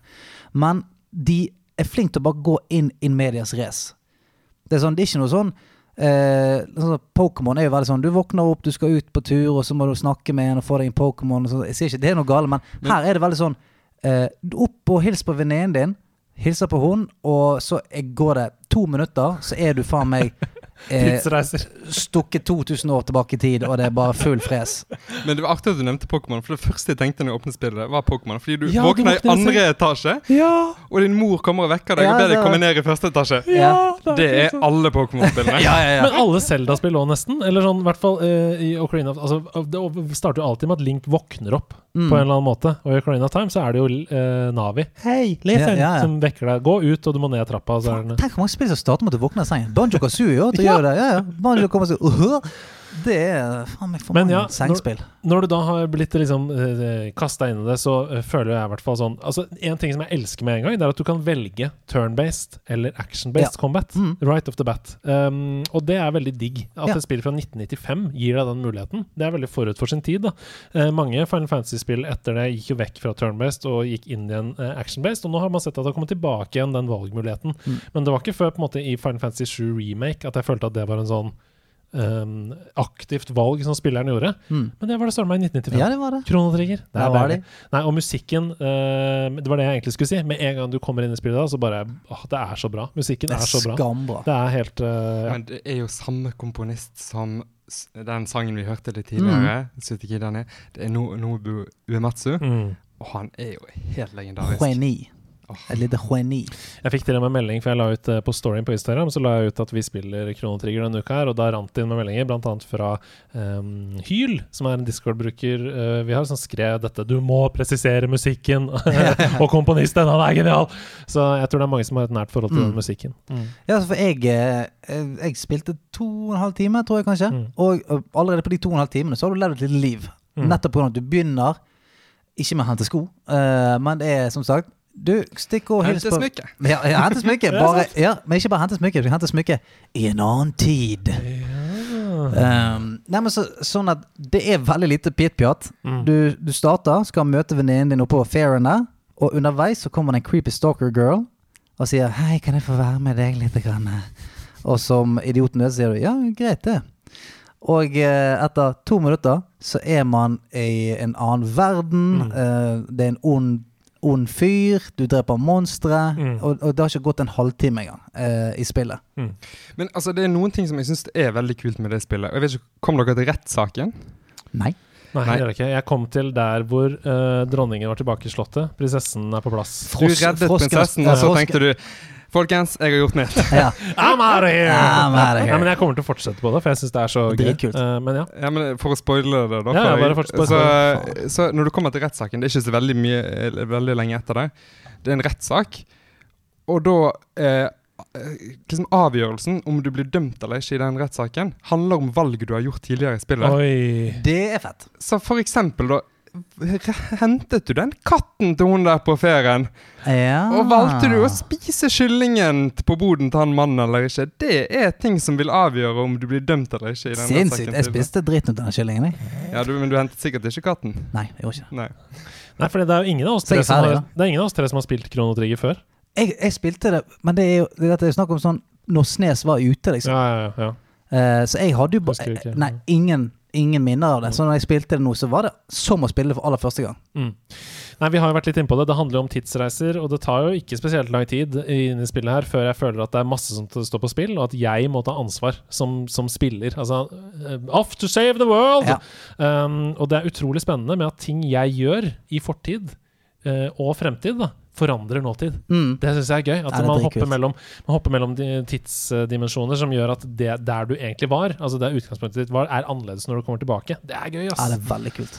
Um, Veldig, veldig kult. det er jo sånn paradoks som har vært utforska mye i popkulturelle ting. F.eks. Back to the Future. Ja, ja. Mm. Men du merker jo at det er veldig mange ting som Chrono Trigger gjorde som har påvirket spill seinere. Du nevnte jo en av de, så flere en endinger. Et annet spill vi har snakket om i dag, sånn Near, Mm.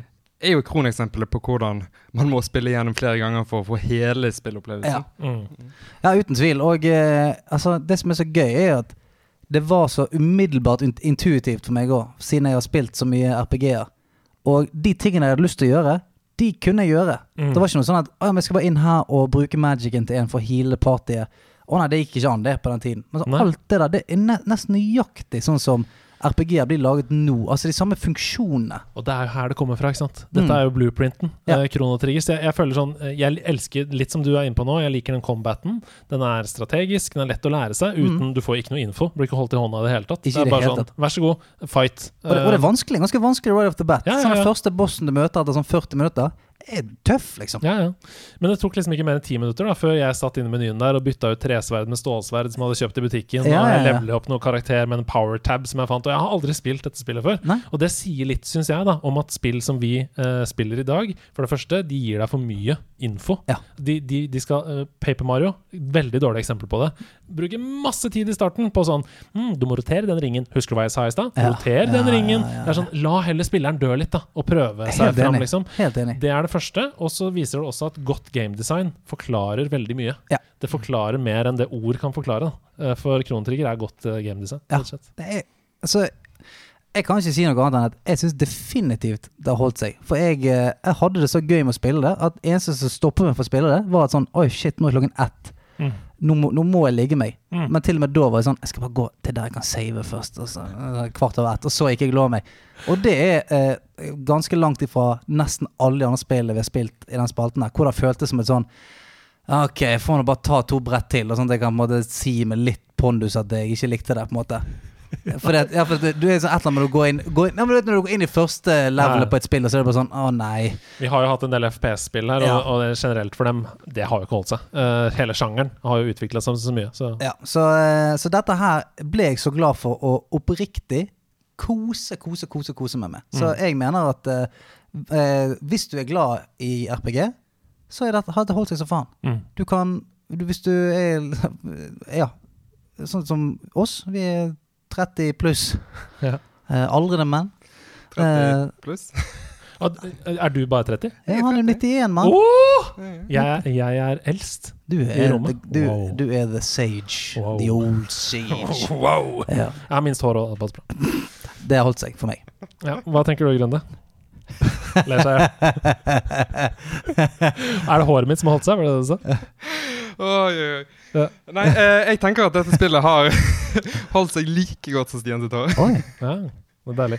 Um, jeg uh, kan ikke skjønne annet enn at alle som er glad i RPG-spill, uh, og ikke har spilt Kronotrigger, har en jobb å gjøre. Ja. Og det er å gå inn på Steam, eller gå inn på nettsiden som jeg nevnte. Uh, det er veldig lett det er bare å søke Play Kronotrigger online. Det er en god versjon av spillet. Uh, Vatt opp i fullskjerm og spill det der hvis du vil. Men som sagt, bare gå inn og spill det. Asap Sul. Korktavlen. Hei, jeg har vært gamer i mange år, og jeg har de siste seks årene prøvd å få samboeren min til å bli med på min hobby. Hun er i utgangspunktet spillinteressert, men hun har noen utfordringer. Hun ville gjerne prøve Apex nå nylig, men vi støtter fort på en utfordring, for hun er nemlig døv på ett øre, og kan derfor ikke høre hvor lyder kommer fra. Eh, vi sjekket derfor på accessibility options om det var noe der som kunne hjelpe, men vi fant dessverre ingenting. Vi kunne trengt cues på skjermen, f.eks., som viste hvilken retning skudd kom fra. Jeg prøver å hjelpe ved å gi beskrivelser, men det tar for lang tid. Vet dere om spill hvor vi kunne spilt sammen, hvor hun kunne fått cues på skjermen, eller fått øvd på kameraføring og aim, og som er litt kompetitive? Kjøttet gikk, men kom fort tilbake igjen fordi dere er så sinnssykt fete. Hilsen sorry. Ja. Eh, nummer én, det finnes i Apex. Å ja. Ja. uh, du kan sitte noe som heter hit indicator. Det kan du, den, den parameteren kan du flytte til typ sånn 2D, 3D, uh, bare flashing light, eksempel. Sånn, du kan, hvis du har flashing light, så sånn, hvis du blir skutt, så, blink, så blinker det sånn rødt på skjermen din. Sånn, da er det litt sånn uh, vanskelig. Du kan ta 3D.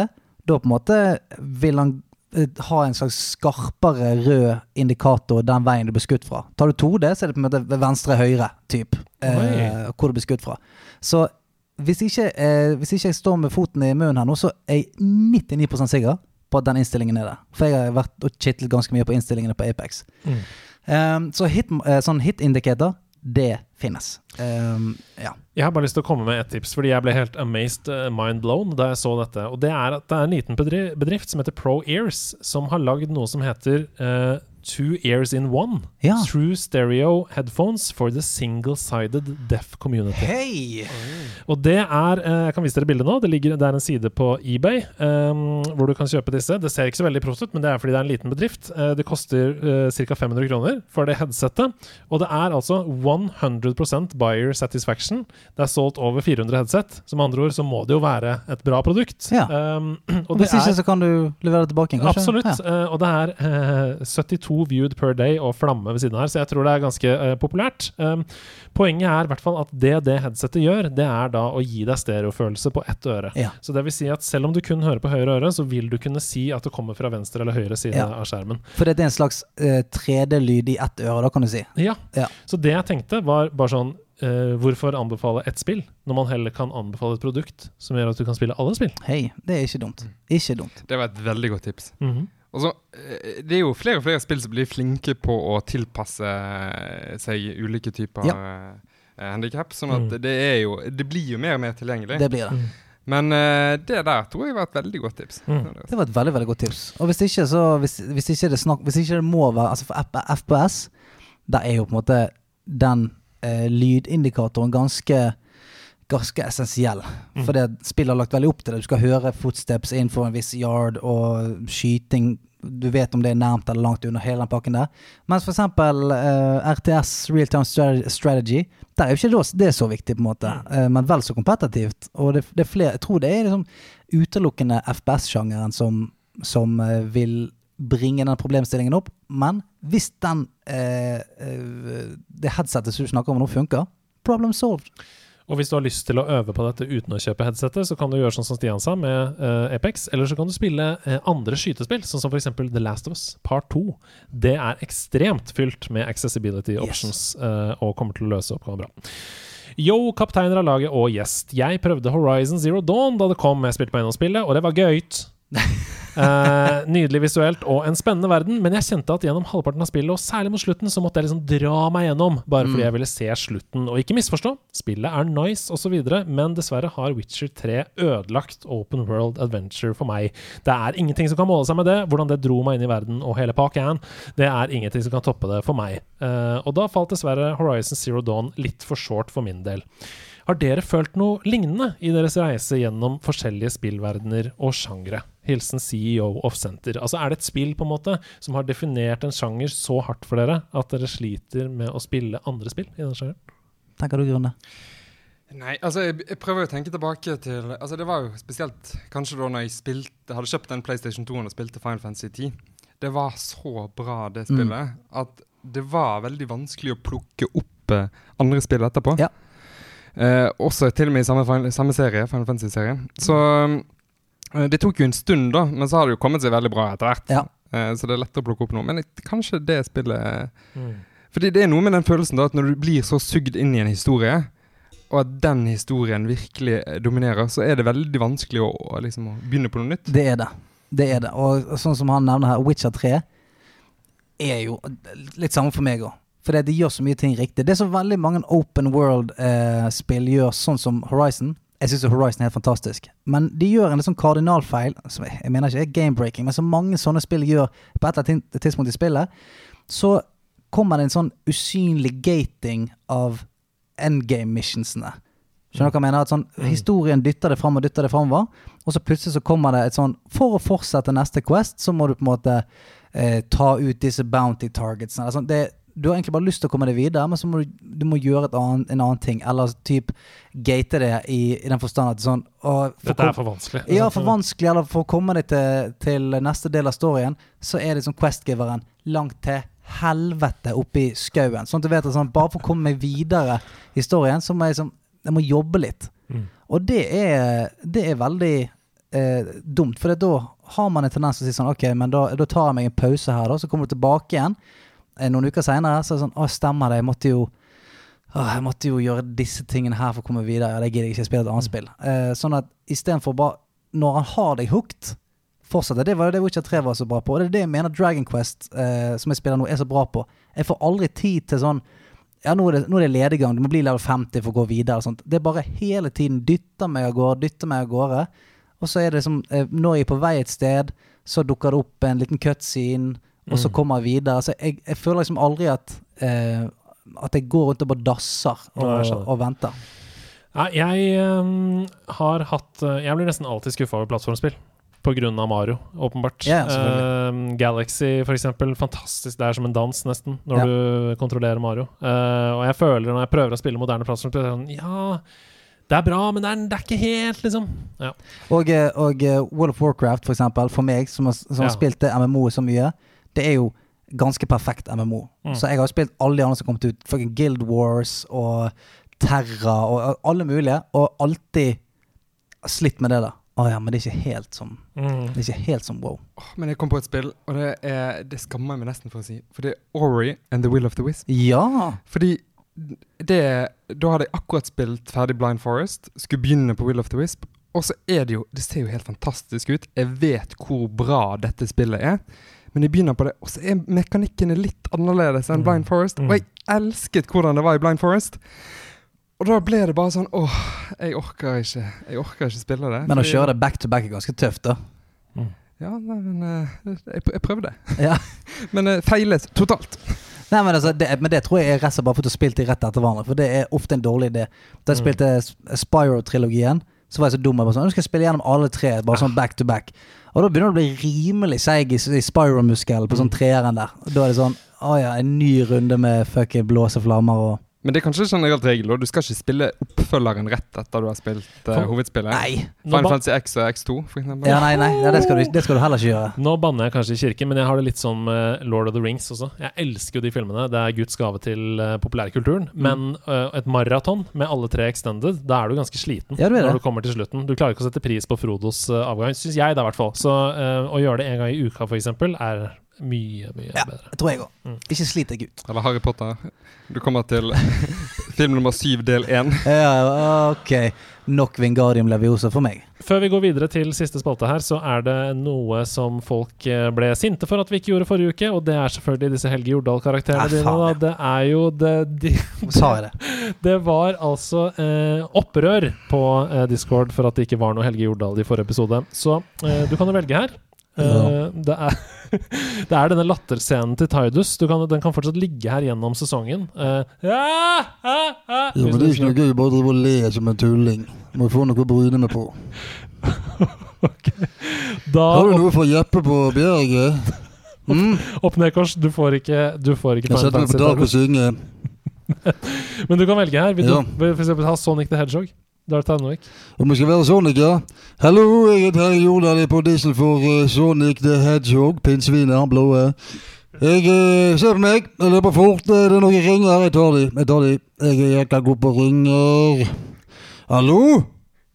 Jeg bare driver og snakker til meg sjøl i speilet, men jeg er blå. Hvorfor har han malt med blå? Jeg er et pinnsvin. Så han traff meg.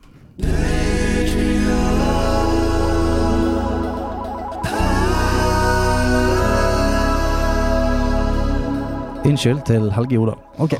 Det Helge Jordal er jo fantastisk. Jeg har så Jeg holdt på å si godt forhold til han, jeg kjenner han ikke. Men, eh, Ja, ja. men Det kommer, eh. Det kommer aldri til å ikke være gøy. ja nei, alle, alle har hatt forhold til han gjennom uh, Krabben Sebastian på uh, Ariel, din far leiter etter deg. Nok Helge Jordal, jag han ut av din body. Uh, for nå skal vi til Patron-perler. Hva Nei, har det du er ikke noe gjort? bedre med der. Eh, ah, du vet det, altså eh, Å finne inspirasjon til Patrion-perlene, Grunde Det Av og til så er det bare en lukt, en lyd, eh, en berøring, kanskje, som gir deg Og i går så, bare, så sa jeg bare et rim inni meg, eh, med en viss aksent. Og det ble jo til et helvete, det. Eh, så eh, jeg har jo nå et, et, slags rollespill eh, plassert et eller annet sted. Og det er langt, ja. Kjempelangt. Jeg brukte altfor lang tid på det. Jeg, virret meg inn i et nett, og uh, attpåtil så sendte Andreas Hedemann meg melding på kvelden og bare sånn Du, jeg har ikke, opp, jeg har ikke oppdatert det der Patreon-greiene. Du måtte gå inn og skrive på nytt igjen. Men uh, vi kjører på.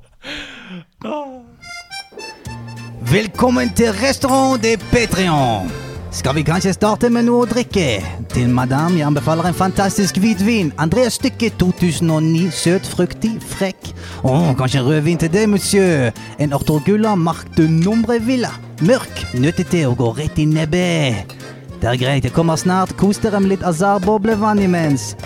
Ah, Ok, attention cuisine. Kjøkkengjengen, vi har masse kjente gjester i dag. Vi må ikke drite oss ut i dag. Bang for buck. Min nydelige sous-sjef. Sausene må være smakfulle. Så smakfulle at man får lyst til å gråte. Bjørn Thorsson, min sjef de cuisine. Vi skal lage nok mole fritt i dag til å mette en hel landsby. Få fart på gjengen! Hei! Sacre bleu, hva skjer nå? Eilif Helmen, poisonnier. Fisken skal være så fersk at den fremdeles spreller på fatet i dag. Blubb, blubb. Kristian Sagosen, boucher. Jeg vil ha biffene så møre i dag at du kan drikke dem med sugerør. Skjønner du? Sugerør! Først Biola, hva driver du med? Du er patissier. Hvorfor står du borte med gavemansje? Har, har du plutselig begynt å lage salat? Ha? Du skal lage bakverk, desserter, sacre bleu. Det er som å drive barnehage her. Geshin! Hvorfor ser du sånn på meg? Du er eskueleri. Fram til du klarer å lage speilegg uten å sette fyr på hele restauranten. Du vasker opp til du ikke brenner ned. Gunbar, rotisør. Du vet hva du skal gjøre i dag? Du skal lage det beste kjøttet som har truffet menneskers lepper. Som min bestefar sa, la viande va. Jeg hadde tatovert på beinet mitt. La viande va. Kjøttet går, du vet. Hans Sætre, hvorfor har du med deg en rotte? Har du sett på Ratatouille? Få den ut. Vi har som sagt celebre gjester på besøk, folkens. Den kjente kunstneren Henrik Appeland er her og vil ha alt servert på en abstrakt måte. Bare lukk øynene og slipp all maten ned på fatet. Herman Høgenes Kvinsland fra hiphopgruppen Pølse og reke er her. Skal vi se, bagettminister Inger Aak sitter på bord tre. Sabine Olsen, den glemte tredje søsteren til Olsen-trillingene, sitter bakerst i restauranten. Og så er det den forbannede anmelderen fra avisen Kritikk og Pirk.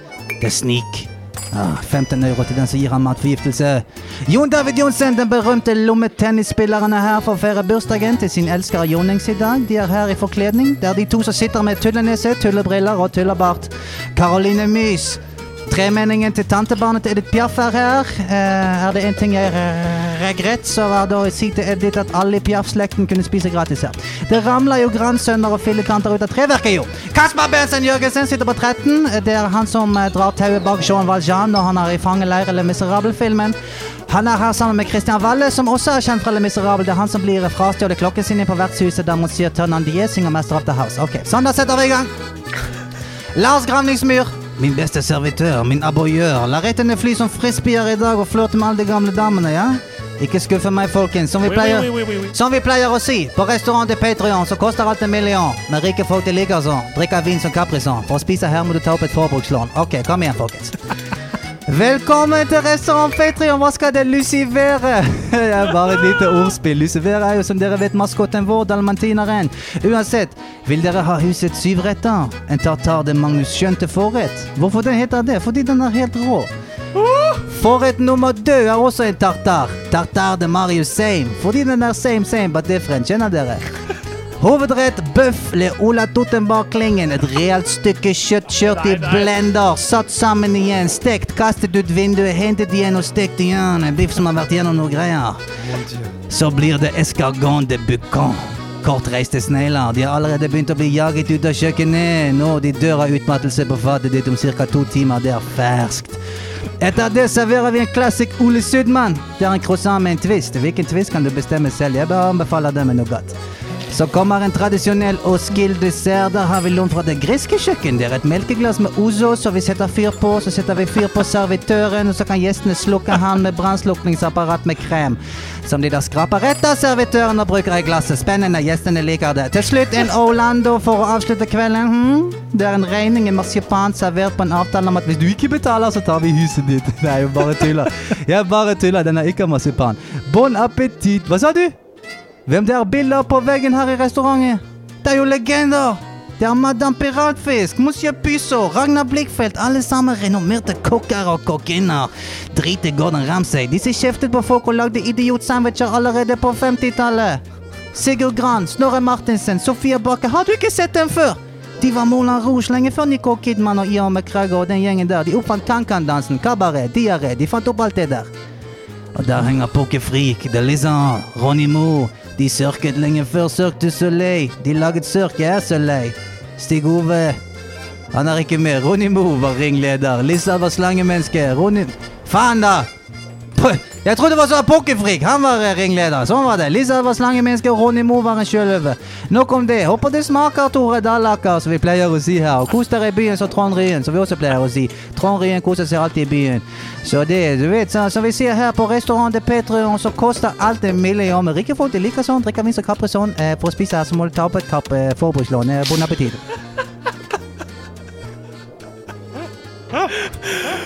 Spise må du ta opp et Capri-lån.